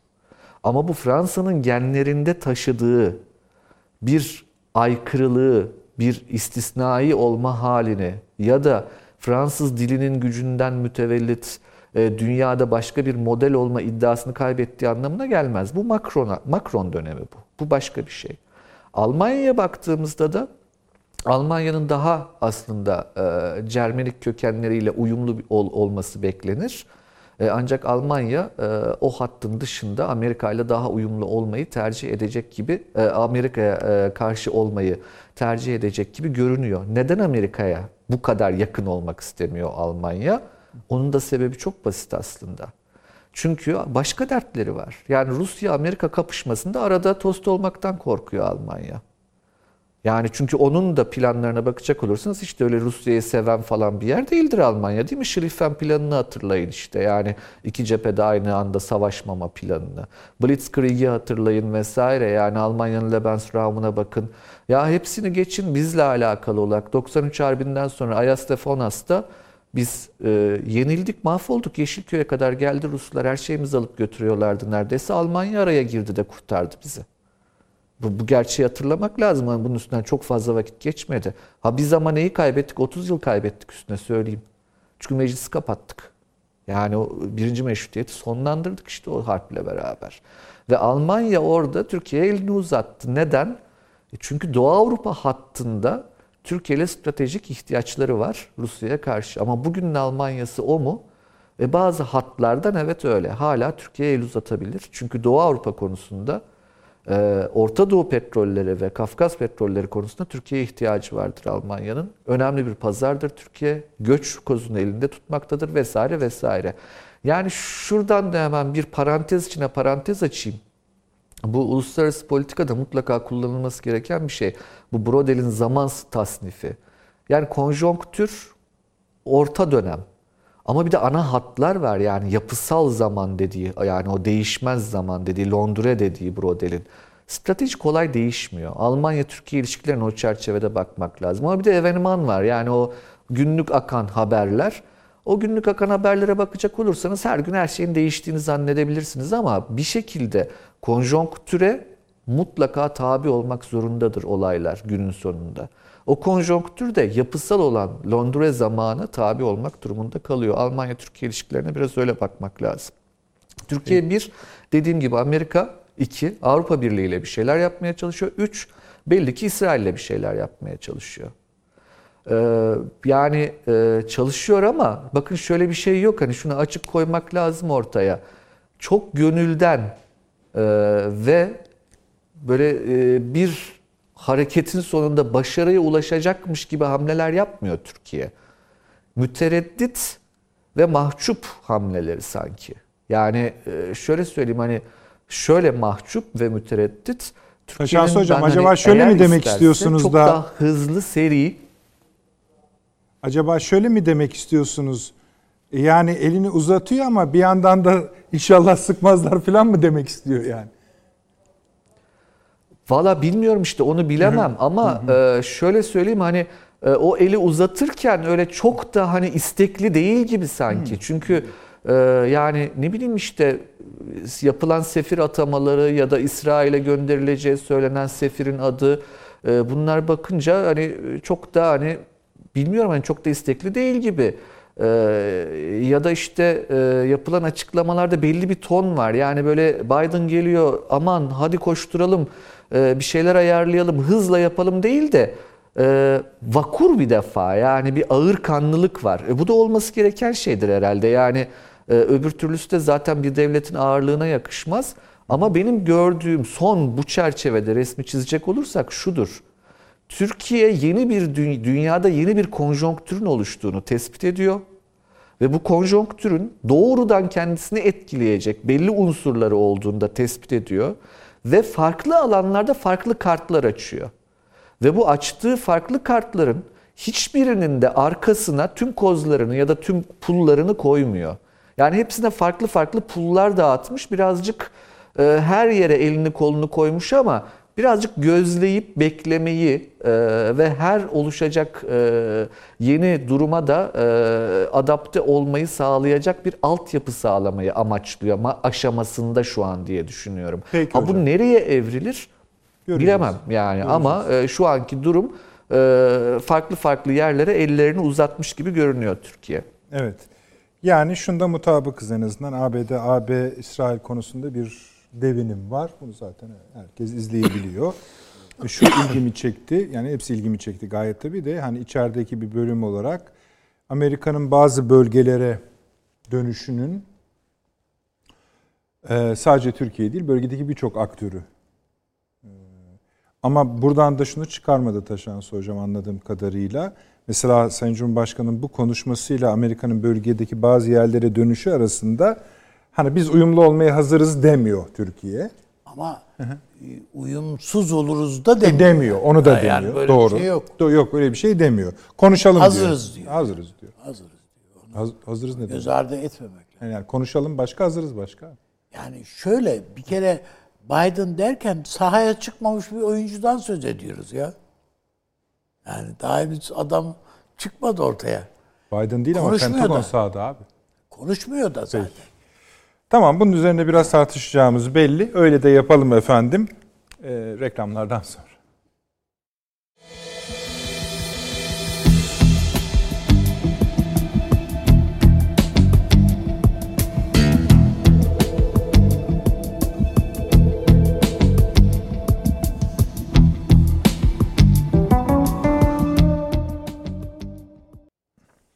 Evet efendim döndük devam ediyoruz. Süleyman hocamızla birlikteyiz. Ee, önce tabii Taşans Hocam'a itirazlarınızı alalım. Yok hiçbir itirazım yok. Zaten e, aynı şeyleri aşağı yukarı söyledik. Bir, yalnız o bir ana, daha anatomik davrandı gibi geldi bana. Bazı parçalar işte benim de bahsettiğim bu geri dönüş meselesi bazı coğrafyalara. İşte ben de söyledim ya bundan sonra dedim Doğu Akdeniz'de sadece Fransa yok, sadece Yunanistan yok. Aynı zamanda Amerika Birleşik Devletleri var. Şimdi öyleyse e, biz biliyorsunuz programında programın başında konuşmadan Cumhurbaşkanımızın konuşmasından yola çıktık. O konuşmanın nihai dış politika cümlesi bir şahlanış ifadesiydi. Moral. Moral. Tabii. Peki. Moral tarafı. Hı hı. Yani, yani buradan beklenir. Yani her konuşmada beklenir. Hı hı. Ama şunu söyleyelim. Yani bunu teslim edelim. Çok daha sorunlu bir döneme giriyoruz belki o moral konuşması da bir anlamda hani insanları e, bu süreci hazırlamakla ilgili bir şeydi.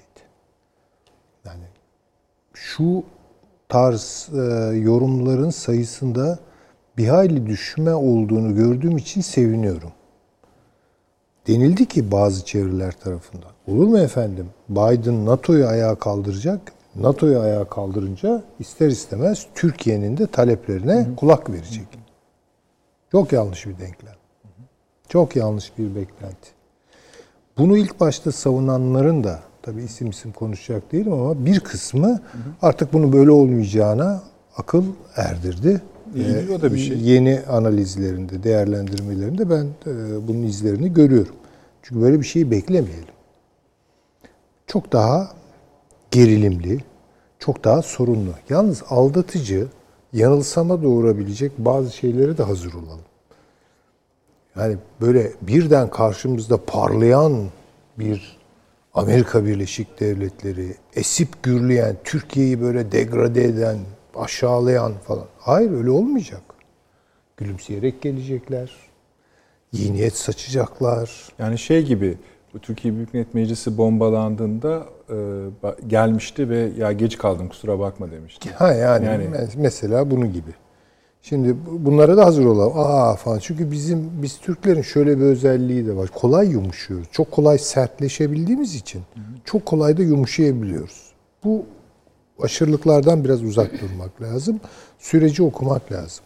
Bunu bir kere bekleyelim ve bütün hazırlıklarımızı buna göre yapalım.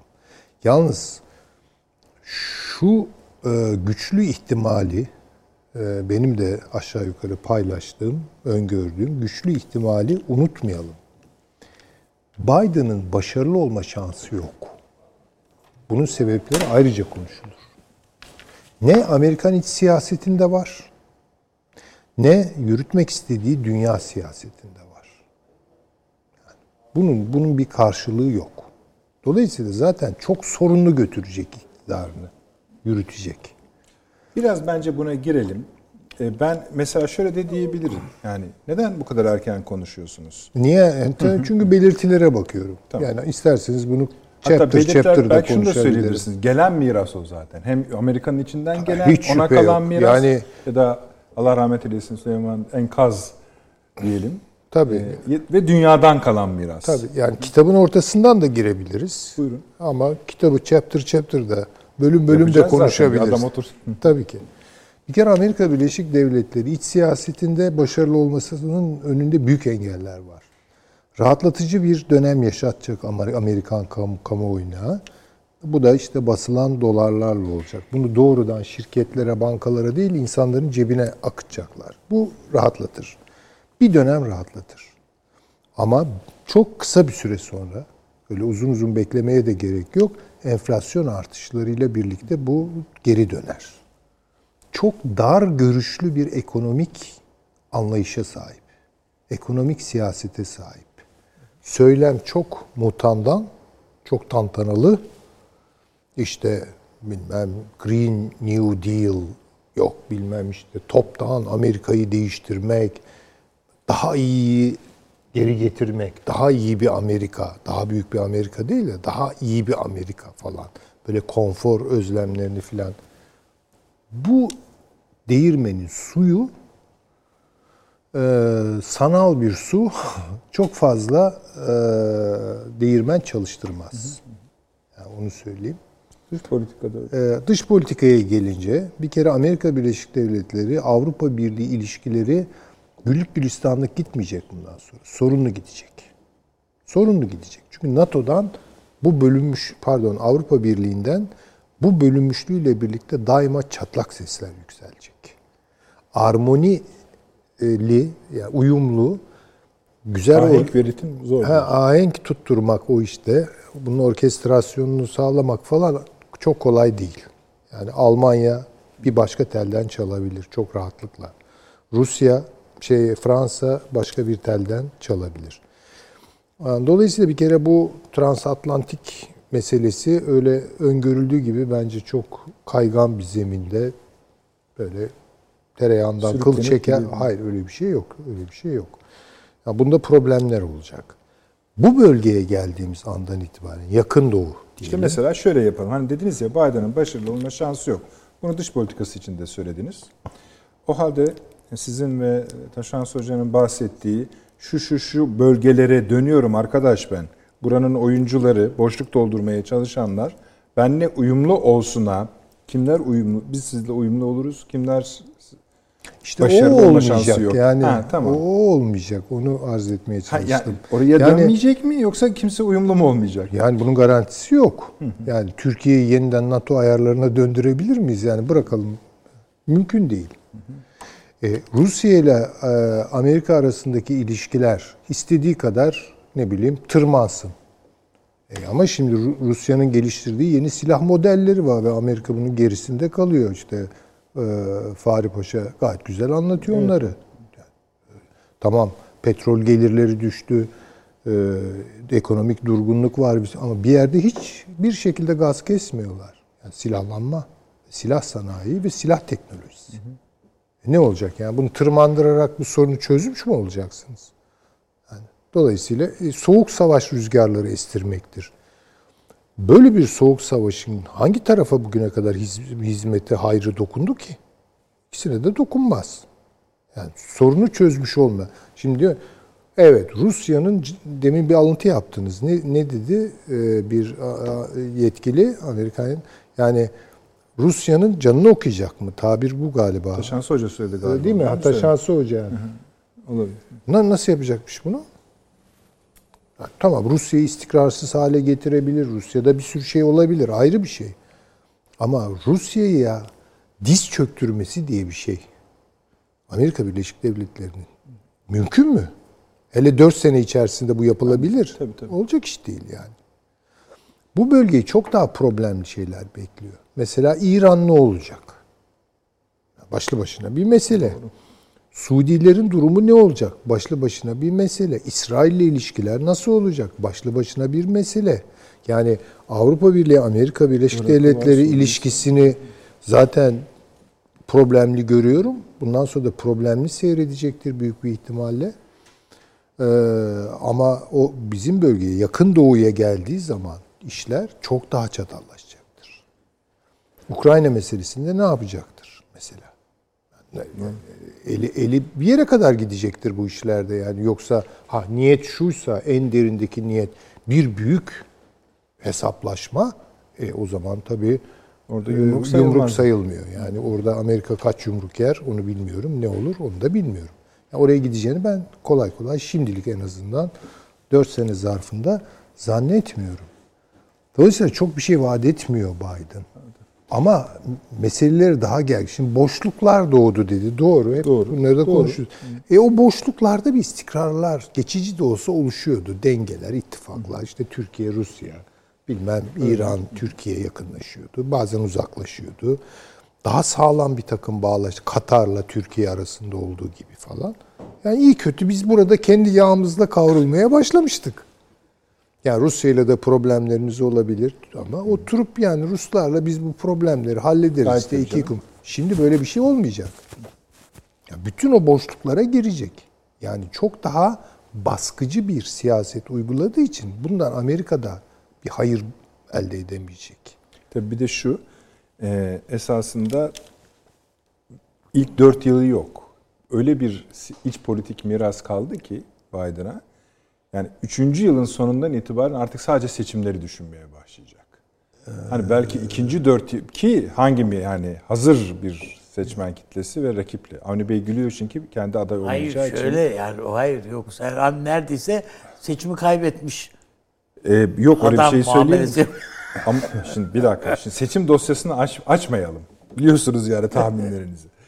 Ee, Süleyman Hocam tamam. Yani şunu söylemek istiyorum e, çok başarılı kendi tarzında, kendi iddiaları e, diyelim ki tartısında da olsa Biden'ın başarılı olamayacağını düşünüyorum ben. Her şekilde ve çok daha istikrarsız bir Amerika bırakacak. Çok daha istikrarsız bir dünya siyaseti. Ha, bunun sonuçları ne olur? İşte Allah ömür verirse konuşuruz, evet. görürsek. bitirelim de. Evet. Evet. Hani siz genellikle şöyle dersiniz e, bu, bu konuşmalarda. Yani evet yeni bir siyasi yönetim var ama bir de Amerikan devletinin kendisinin yürüttüğü ve peşini hiç bırakmadığı bir sistem işler dünya üzerinde. Yani işlerini yapmaya evet. bir şekilde devam eder. Öyle de gidiyor zaten. Öyle de gidiyor zaten.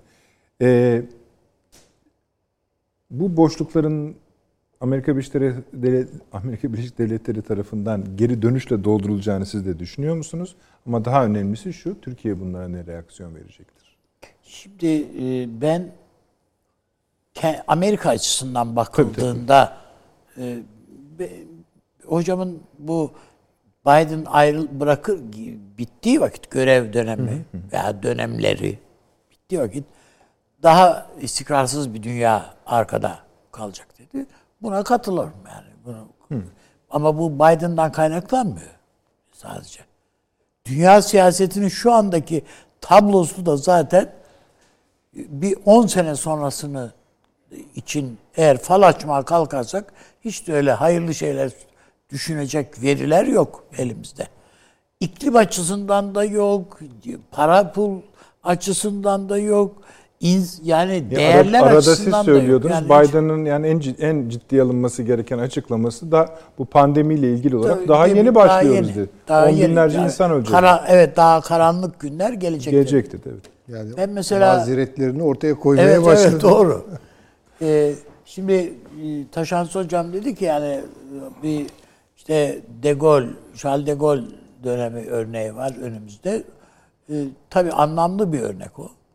Ama dedi kendisinin de yine söylediği gibi o dönemde işte Fransa'nın elinde bir nükleer silah vardı ve e, elindeki elinde nükleer silah olan üç ülkeden biriydi yani. Şey dört ülkeden biriydi Fransa. Dolayısıyla yani o günün şartları değişik. Bugün neredeyse önüne gelenin elinde yani nükleer silah.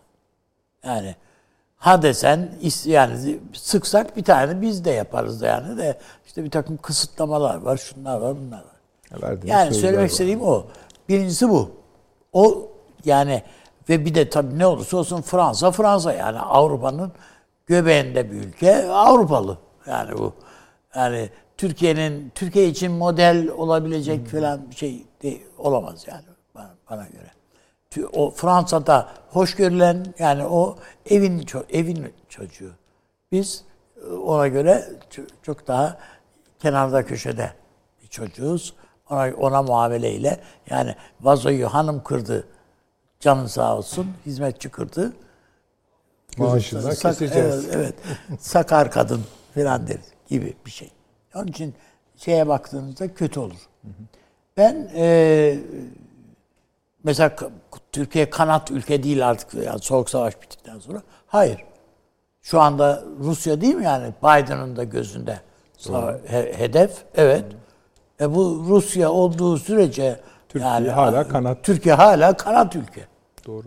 Dolayısıyla yani Amerika'nın gözünde Türkiye'nin önemi falan düşmüş, kaybolmuş değil. Ha olumlu bakar, olumsuz bakar. Bu olumlu olumsuz derken şöyle yani Erdoğan'a öfkeyle bakar. Erdoğan'ı devirmek isteyecektir. isteyebilir. Bu bu bu görüşlerinde Amerika'nın, Pentagon'un bir fazla bir değişiklik olacağını düşünmüyorum ben.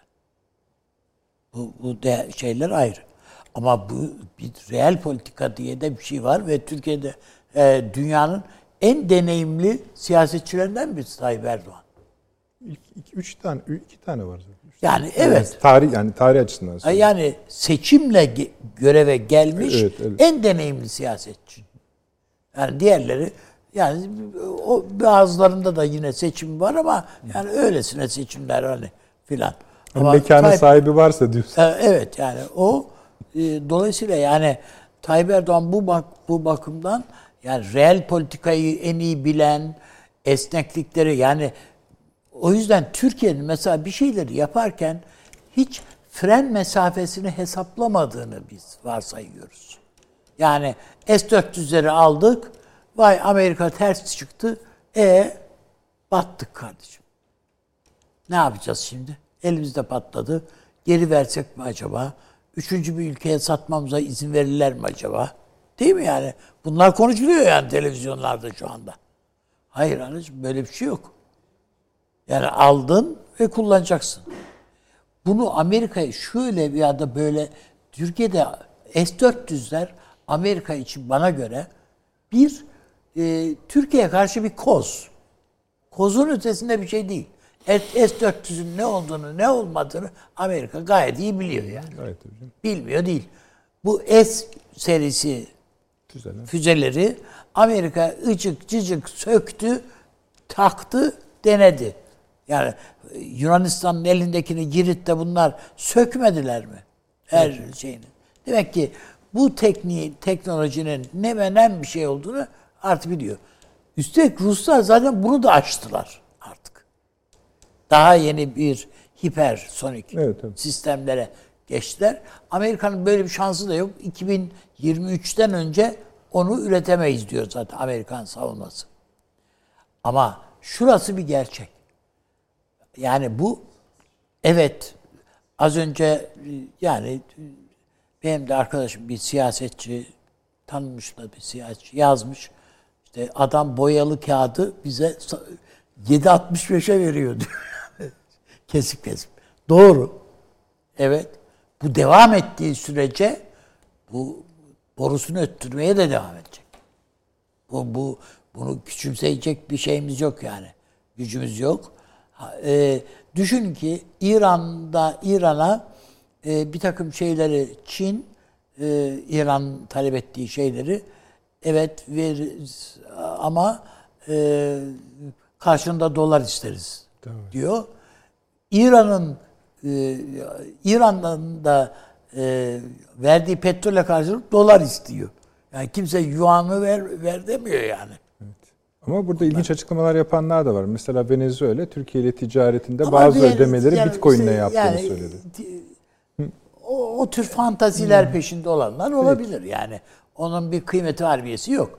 Venezuela'nın ne durumda olduğunu biliyoruz. Yani bu bir fukara dayanışması olur. Yani başka ondan öte bir anlamı olacağını da düşünmem Peki. açıkçası. Şimdi ama Amerika ile ilişkilerde ben Batı ile Almanya ile ilişkide Fransa'da ile e, dikkat edersek zaten yani Cumhurbaşkanımızın açıklamalarının münhasıran tek ülkeler şeyi yok. Bir tek Almanya'ya ilgili olarak o teşekkür konuşması var. Yani onun dışında şu ülke, bu ülke falan diye isim tahsir ederek olumlu ya da olumsuz bir değerlendirme uzunca bir zamandır yapmıyor Sayın Cumhurbaşkanı. Yani en fazla söylese Fransa ile ilgili söyleyebilirdi. Onda bile bilhassa sadece Macron'u ismini vererek konuşuyor. Yani Fransa'ya değil Macron'un ismini vererek Hepsi için bana göre bir esneme payı var. Önümüzde onun için İsrail konuş gündemde değil mi yani? Evet. Konuşuluyor. Doğru, yanlış, bilmiyoruz. E, eğri bilmiyoruz. Ama eskisine nazaran daha çok spekülasyon. Ama evet yani üzerinde bir şeyler konuşuluyor. Mısır'la ilgili konuşuluyor kardeşim. Yani bu aynı şey. E, Suriye yani şöyle söyleyelim. Mesela bir Suriye'de bir askeri operasyon düşünülüyor idi değil mi? Evet. Fahri evet. Hocam da burada geldiğimizde konuştuyduk. Doğru. Düşünülüyor. Çünkü orada bu e, Aynel Arap'ta bir boşluk var. Arada bir şey. Türkiye bunu kapatmak ihtiyacında. Bu koridoru e, kapatmak gerektiği kanaatinde. E, bunun için bir operasyon da düşünülüyordu. Ama sırf bunun bu batıdaki açılım şeyleri, e, verilen mesajlar, Amerika'ya olsun, Biden'a olsun, Avrupa Birliği'ne olsun mesajlar yüzünden frene basıldığı anlaşılıyor. Ben öyle görüyorum. Aynı şekilde Türkiye'nin Suriye'deki operasyonlarına ilk defa olarak Şam rejimi karşı çıkmıyor kardeşim. Yani şimdiye kadar öksürsen üstümüze gelen o gücüne kendi gücünü gücü yok yani elinde. Ona rağmen üstümüze gelen Şam ağzını açmıyor Türkiye'ye bu konuda. Rusya da kapı açtı. Ama Ankara şunu farkında ki kardeşim Türkiye'nin üzerine gelmek için bahane arıyorlar ya birileri. Ha, sadece yani onun göz yumması öbürünün bilmem ne etmesinden ibaret değil. Ankara'da da tecrübeli bir siyasi irade var. Onun için yani Tayyip Erdoğan'dan söz ediyorum. Bunun elinde sonunda bir dengeye geleceğiz. Yani bu Biden'da bugün değil ise işte Ocak, Şubat'ta ki adamın herhalde önünde doğrudan Amerika'nın dertleri var yani. Hala ölümler devam ediyor. Tabii canım. Şu bu filan. Aşı ne zaman ne olur? Aşı bir tarafa bir de ilaç derdi var yani. Herkes tamam aşı olalım da yani bir de bu virüse yıkanan insanların kullanacağı ilaç. Bunun bu ilacın birileri diyor ki ilacı bulduk. Değil mi? Bugün vardı. Vardı. Yani internette falan vardı. Artık hangisine şey yap, bilmiyoruz ki. Yani. Ha ne kadar hangisine yani. ne kadar itibar edelim belli değil. O kadar çok ses çıkıyor ki. Ha bu konu bu süreçte Türkiye'nin ben elinin güçlü olduğu kanaatindeyim. Ben de aynı fikir. Gerek aşı konusunda biz çok güçlü bir hı hı. şeyimiz var. Ee, Yani koş, koştura koştura yetişiyor yani Türkiye. Bir taraftan ilaç konusunda da bir yeni çalışmalar var. Ha, Amerika'da varsa o onca teknik imkana ve finans gücüne rağmen olağanüstü bir finans gücüyle Siyasi motivasyona rağmen. Çünkü mesela Evet. Trump çok istemişti. Yani şeyden önce. Ve yani gak dedikçe önce. dedikçe su verdi Tabii, ya. tabii. İsteyene. Türkiye'de bir de resmi yazı yazacaksın. Bizim şu laboratuvara şu alet lazım. Gayet Efendim diye onu TÜBİTAK'a gidene kadar o işte e, şeyden Sanayi Bakanlığı'ndan geçecek filan filan. Amerika'da böyle prosedürler yok. Pat küt bitti hemen getiriyorlar parayı. Koyuyorlar önüne. Onun için bizim bilim adamlarımızın başarısı eğer öbürününki başarısıyla sıysa bizimki mucize. Bizimkilerin yaptıkları. Ben önümüzdeki dönemde daha bu anlamda güçlü bir takım e, kartlarla e, sahada olacağımızı düşünüyorum. Ha riskler yok mu? Var tabii. Yani işte bu Güneydoğu'da şu bu filan filan işte Sincar'dı şurada burada tamam üstümüze geleceklerdir. Ben belli yani işte kimlerin kimler vasıtasıyla üstümüze geleceklerini de biliyoruz aşağı. Adamların derdi zaten bağcı arıyorlar adamlar. E, tabii doğru. Bu, bu, bunları da biliyoruz. Ama e, bunlara karşı biz artık bazısında şerbetlendik ya. Doğru. Son reklamımıza gidelim. Ondan sonra devam edeceğiz efendim. Geliyoruz.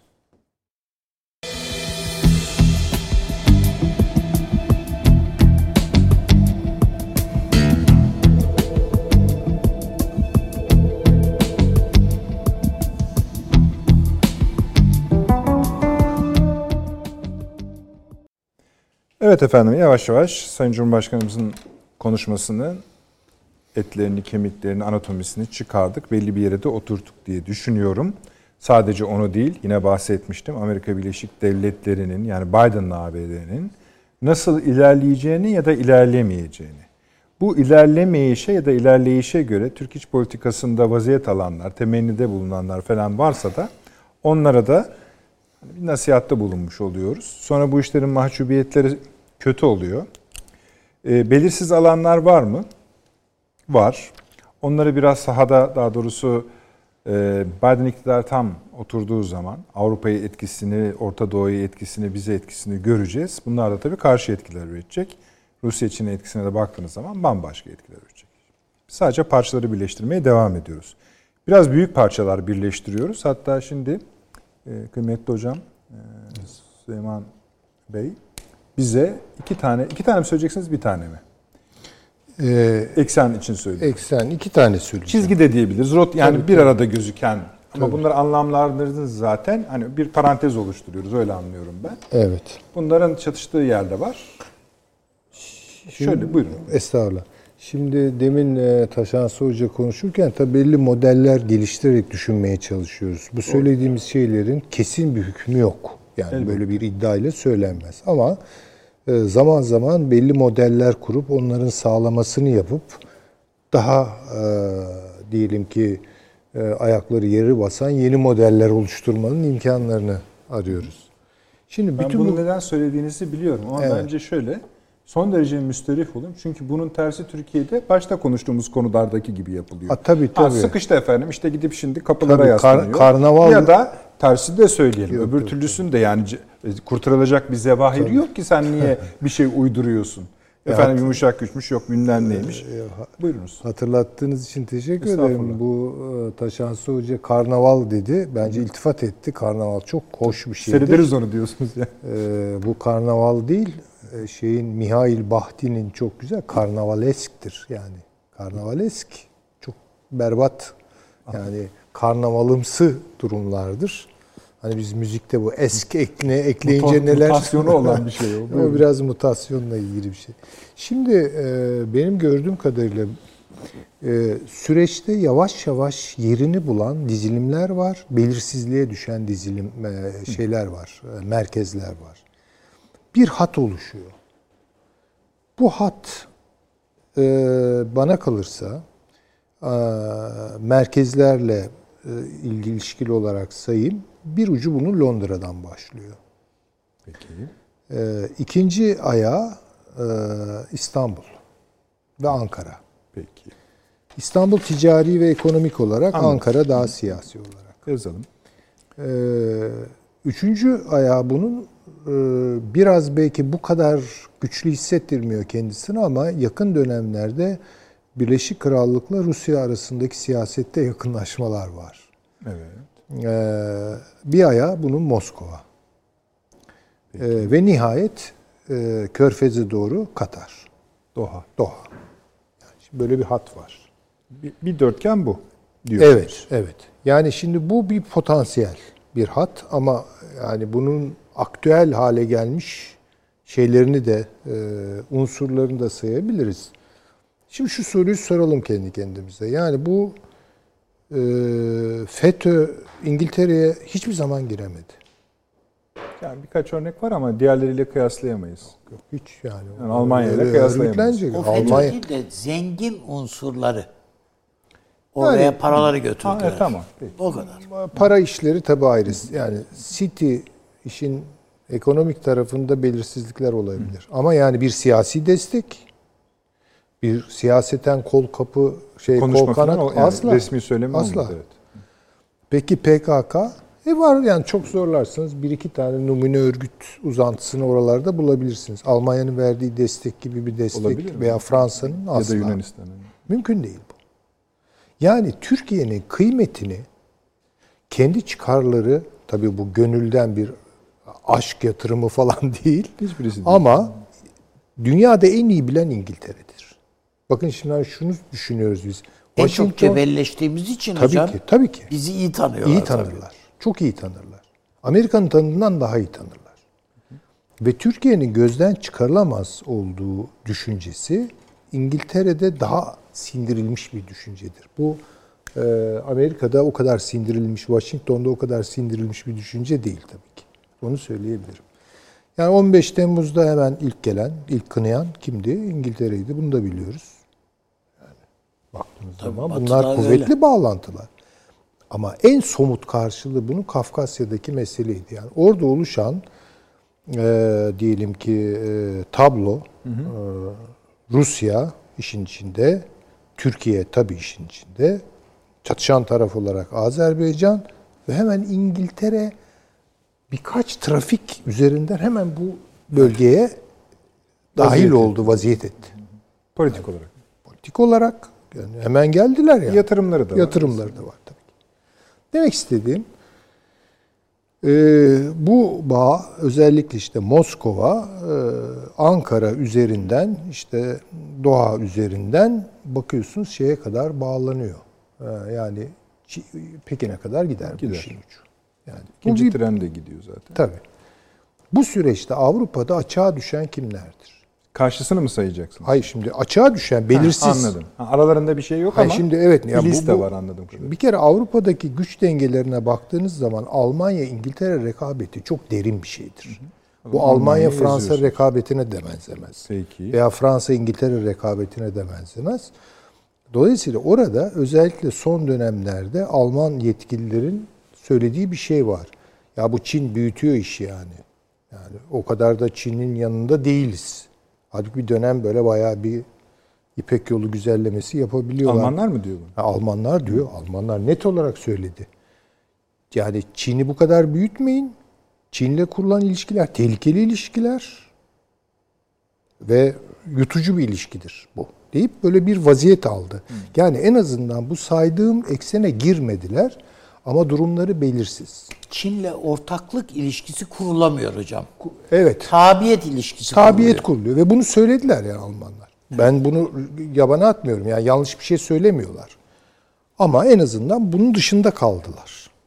Ben şimdi ikinizin dediğin dışında kalayım. Yani ona katılmadım çok. Buyurunuz. Tamam. Dolayısıyla Berlin'in durumu mesela belirsizler eksenine giriyor. Ama bana kalırsa diğer eksene daha da yakınlaşıyor yani. Ha ilk dörde. İlk dörde değil. Şimdi söyleyeceğim eksene buyurun, biraz buyurun. daha yakınlaşıyor. Onda da problemler var ama. Tamam. O hemen olmaz. İkinci eksen bana kalırsa Washington'dan başlıyor Londra'nın tersine. Paris içine alıyor. Tamam. Atina'da devam ediyor. Peki. Tel Aviv'de devam ediyor. Bu aslında Çin'den kopuş. Dikkat edelim e, Yunanistan'da büyük bir Amerikan baskısı ortaya çıktı ve Çin'le olan ikili ilişkilerini iptal ettiriyorlar. Aynı baskıyı Tel Aviv görüyor. Dikkat edelim. Bu biraz Çin'den koparıyor bu saydığım e, merkezleri evet. Hat Zaten hat Washington Çin'le arasında bir gerilim var biliyorsunuz. Paris benzer şeyleri se- seslendiriyor. İpek yoluna karşı ve Çin'e karşı. Burada belirsizliğe düşen Riyad, Kahire ve Birleşik Arap Emirlikleri. Ha, şimdilik Birleşik Arap, Arap Emirlikleri kendi şeyini kararlılığını devam ettiriyor. Ama Riyad ve Kahire açığa düşüyor. Dolayısıyla Berlin'in pozisyonu yani onların pozisyonu. Berlin nasıl o Londra, e, Pekin hattına e, hattının dışında kalıyorsa işte son gelişmelerle birlikte Suudi Arabistan, e, Birleşik Arap Emirlikleri ve Mısır. Yani Riyad ve Kahire ve Birleşik Arap Emirlikleri dışarıda kalıyor. Yani Londra, Moskova, Ankara, Doha, Pekin'e kadar arada başka unsurlar da var. Pakistan'ı da sayabiliriz vesaire. Vagonlar var. Yani diğerinde Washington, Paris tekrar ediyorum. Ben Atina, Tel Aviv e, ve belirsizliğe düşenler Riyad ve Kahire. bu son 3 saydığınızda yani Suudi Arabistan, Mısır, Birleşik Arap Emirlikleri içinde e, Suudi Arabistan'ın e, Rusya, Türkiye, Pakistan şey Pakistan değil de Rusya, Türkiye daha yakın ilişkiler kurduğunu biliyoruz. Suudi Arabistan'ın mı? Evet. İşte o belirsizlik ona ne yaptıracak onu, Onu bil- hayır, bilmiyorum. resmi görüşmeler açısından söylüyorum. Birleşik Arap Emirlikleri zaten istese çok kımıldayamaz. En çok boşlukta bulunan bana Kahire'ymiş gibi geliyor. Doğrudur, Mısır gibi geliyor. Peki. Hani abi? Yani hocamın değerlendirmesine ekleyecek bir şey yok. Ama bu son kaypak ilişkiler bunlar. Daha henüz şekillenmemiş. Yani tam Dış netleşmemiş. konuşuyoruz. İşte tabii. Tam netleşmemiş ilişkiler. Yani bu e, hamur daha çok su kaldırır. O, o manada. Ama şey hattına katılırım. Yani e, Amerika-Fransa hattı veyahut da hat bir eksen olarak bu eksene katılıyorum. Burada mesela hocam Yunanistan'ı hangi misyonu dolayısıyla ona eklenmedi? O çok net. Kendisi de zaten çok onu? Yani Yani- mesela Karadeniz, Balkanlar diyebilir ve Tabii. Hayır, Doğu Akdeniz. Yani orada yani işte yani onun yerine daha belki Amerika'nın suyuna gidebilecek belki başka şeyler de. Yani niye İspanya değil, niye İtalya değil e, filan yani. Filan.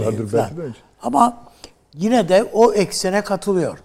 Tamam. O eksenin doğuya doğru uzantıları Tabii, mutlaka olacak yani. var var. Pakistan, Yani Hindistan gerileri var. tabii. adam en son biliyorsun hasta olmadan evvel Macron şey Lübnan'a gidiyordu.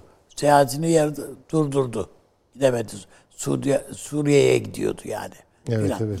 Yani e, başka kumpaslara da girebilirler. Yani Suudi Arabistan işin içine girebilir. Ürdün girilebilir. Yani bir şey girebilir. Gerçi İngiltere'nin ekseni dışına çıkmaz yani. Ürdün olsun, Mısır Peki. olsun çok kolay değil yani. Ama önümüzdeki dönemde bir takım akslar oluşacak. Ona katılıyorum. cilveli bir dönem. Öyle Ha, söyleyeyim. yani evet öyle. Peki. Taşans Hocam en zevkli bölümüdür dış politikanın. Buyurunuz. Ee, bu şey e, Alman sosyolojisinde bir şey vardır bir ayrım. E, Verstehen ve Erklärung ayrımı. Yani anlamak ve anlatmak. Bir şeyleri anlarken ve anlatırken de zihin farklı çalışıyor aslında. Yani olması gereken de o zaten. Ee, anlarken ne kadar kategoriler dışı ve paradigmalar dışı olursak o kadar başarılıyken anlatırken de kategorilere ve e, paradigmalara mecburen bağlı kalıyoruz. Şimdi o çerçevede tabii Süleyman Hoca'nın e, anlatma çabası çerçevesinde yarattığı kategoriler çok öğretici. E, ancak tabii işte anlarken de bazen ket vurabilir bunlar. E, şöyle örnek vereyim mesela İsrail'in pozisyonu nerededir? İsrail-Yunanistan ilişkileri Türkiye'ye karşı Doğu Akdeniz'de yakınlaşmışken e, İsrail-İngiltere ilişkilerinin Netanyahu döneminde gayet iyi olduğunu Boris Johnson'la, Netanyahu ile Putin arasının çok iyi olduğunu, Netanyahu'nun Orban'la arasının çok iyi olduğunu, Netanyahu'nun Trump'la arasının çok iyi olduğunu hatırladığımızda onu başka bir bloğa koymamız gerekir İsrail'i. Ee, benzer şeyler İngiltere açısından geçerli. Hani Çin'le olan ilişkisinde e, öyle de yorumlayabilirsiniz, böyle de yorumlayabilirsiniz. Dolayısıyla hani e, bu e, şey denir, e, ehem mühime müreccahtır denir biliyorsunuz. Yani daha önemli olan, en önemli olanı önemli olandan daha fazla tercih etmek durumundasınız. E, dış politikada da zannediyorum ülkelerin e, böyle tercihlerini yakın dönemde göreceğiz. O yüzden bu bloklar konusunda ben e, biraz e, işin açıkçası henüz oluşmadıkları kanaatindeyim. E, oluşma aşamasında olabilirler e, ama tek tek bölge bölge incelemekte fayda vardır. ben blok saymamışım. Ee, ve bir genel rüzgara genel rüzgara bir bakmakta fayda var. Genel rüzgara baktığımızda iki hususu e, söylemek isterim. Ee, Macaristan'da 7 tane muhalefet partisi ortak blok oluşturdular. Yani Orban gider gibi görünür. Netanyahu kesin gidiyor gibi 23 Mart'taki seçimlerle beraber. Demek ki burada bir şeyler var. Yani bir e, iç siyasetleri de etkileyen bir rüzgar var. E, hep E, bakın bunların e, ilişkileri önemli. E, çok ben şaşırtıcı geldi bana. Eski Dışişleri Bakanı İsrail'in Tzipi Livni e, bugün e, Evet. Sayın İlham Aliyev'in doğum günüymüş. ondan Onu bahsedin için lütfen. mektup Önemli yazmış. bir şey. Yani yıllardan beri e, ilk kez niye yazdın kardeşim şimdi bu mektubu yani e, büyük ihtimalle şunu söylüyor. Sen Netanyahu için bir aset değilsin. Bak biz muhalifler de İsrail olarak seni önemsiyoruz. Galiba bir parti de kuruyor değil mi Levni? diyor. Demek ki orada bir Evet evet bir parti kuruyor. Ron Huda ile beraber e, Tel Aviv Belediye Başkanı ile koalisyon beraber E, ve onun e, ekibinden olan e, çok önemli bir kişi Zeev Elkin Netanyahu'nun sağ koluydu e, Zeev Elkin. Bugün istifa etti Likud'dan ve Netanyahu'ya karşı istifa etti. Zeev Elkin de zaten siyasete Kadima Partisi'nde girmişti. Yani e, Livni'nin partisinde girmişti.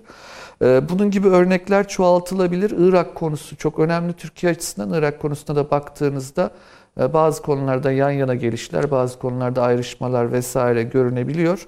Ee, Velhasılı kelam hani e, çok önemsiyorum ben e, Süleyman Hoca'nın kavramsallaştırmasını ve kategorizasyonunu. Çok öğretici buluyorum. Ama dediğim gibi yani farklı bölgelerde farklı çıkarlar bir şeyi belli o ana geleneksel hatları zorlayacaktır. Yani oraya dönüşü zorlayacaktır ülkeleri. Mesela bu beş göz biliyorsunuz Amerika. İngiltere, Kanada, Avustralya ve Yeni Zelanda'nın istihbarat birliğini görmeden bir ayrımlaştırmaya gitmek çok mümkün olmayabilir. E, yani o Anglo-Amerikan bloğu e, önemsemek lazım. NATO içerisinde evet Almanya ve Fransa'nın ayrıksı pozisyonları olabilir. Biraz önce bahsettik farklı bölgelere dair ama e, yani bir NATO'nun e, çok ilginç bir yapı olduğunu, yani bugüne kadar dünya tarihinde kurulmamış işlevsellikte ve bağlayıcı olduğunu hatırlayacak olursak NATO mekanizmalarının pek çok şeyi değiştirebileceği kanaatindeyim ben Avrupa içi dengelerde de. E, Dolayısıyla hani evet ulusal çıkarlar var ama e, bu e, Biden'ın hep ısrarla söylediği kurumsal olan dış politikaya geri dönüyoruz. Ee, ve çok taraflı dış politikaya geri dönüyoruz kavramlarını çok çok önemsemek Peki hocam. gerekiyor. Artık üslubun da e, bir şekilde değişmesi gerekiyor tüm ülkeler açısından galiba. Evet çok teşekkür ediyorum. Süleyman Hocam bir şey söyleyeceksiniz Ee, ama çok kısa rica edeyim. Tabii tabii. Şimdi e, metodolojik olarak işte Almanların meşhur Verstehen ayrımından hareket etti e, Taşansı Hoca. E, çok tipik de ben metodolojik sayılabilecek bir şey söyleyebilirim. E, ben analitik düşüncenin faydasına inanırım. Kategorilerle düşünmenin başlangıç itibariyle. Yani bütünü görebilmek için biraz parçaları tanımak lazım. Ama bununla kalırsa analitik bir körlük doğurur.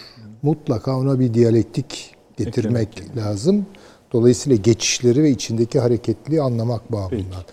Ama şunu da söyleyeyim. Yaptığım o dizilim benim. Ona çünkü blok diye bakmam.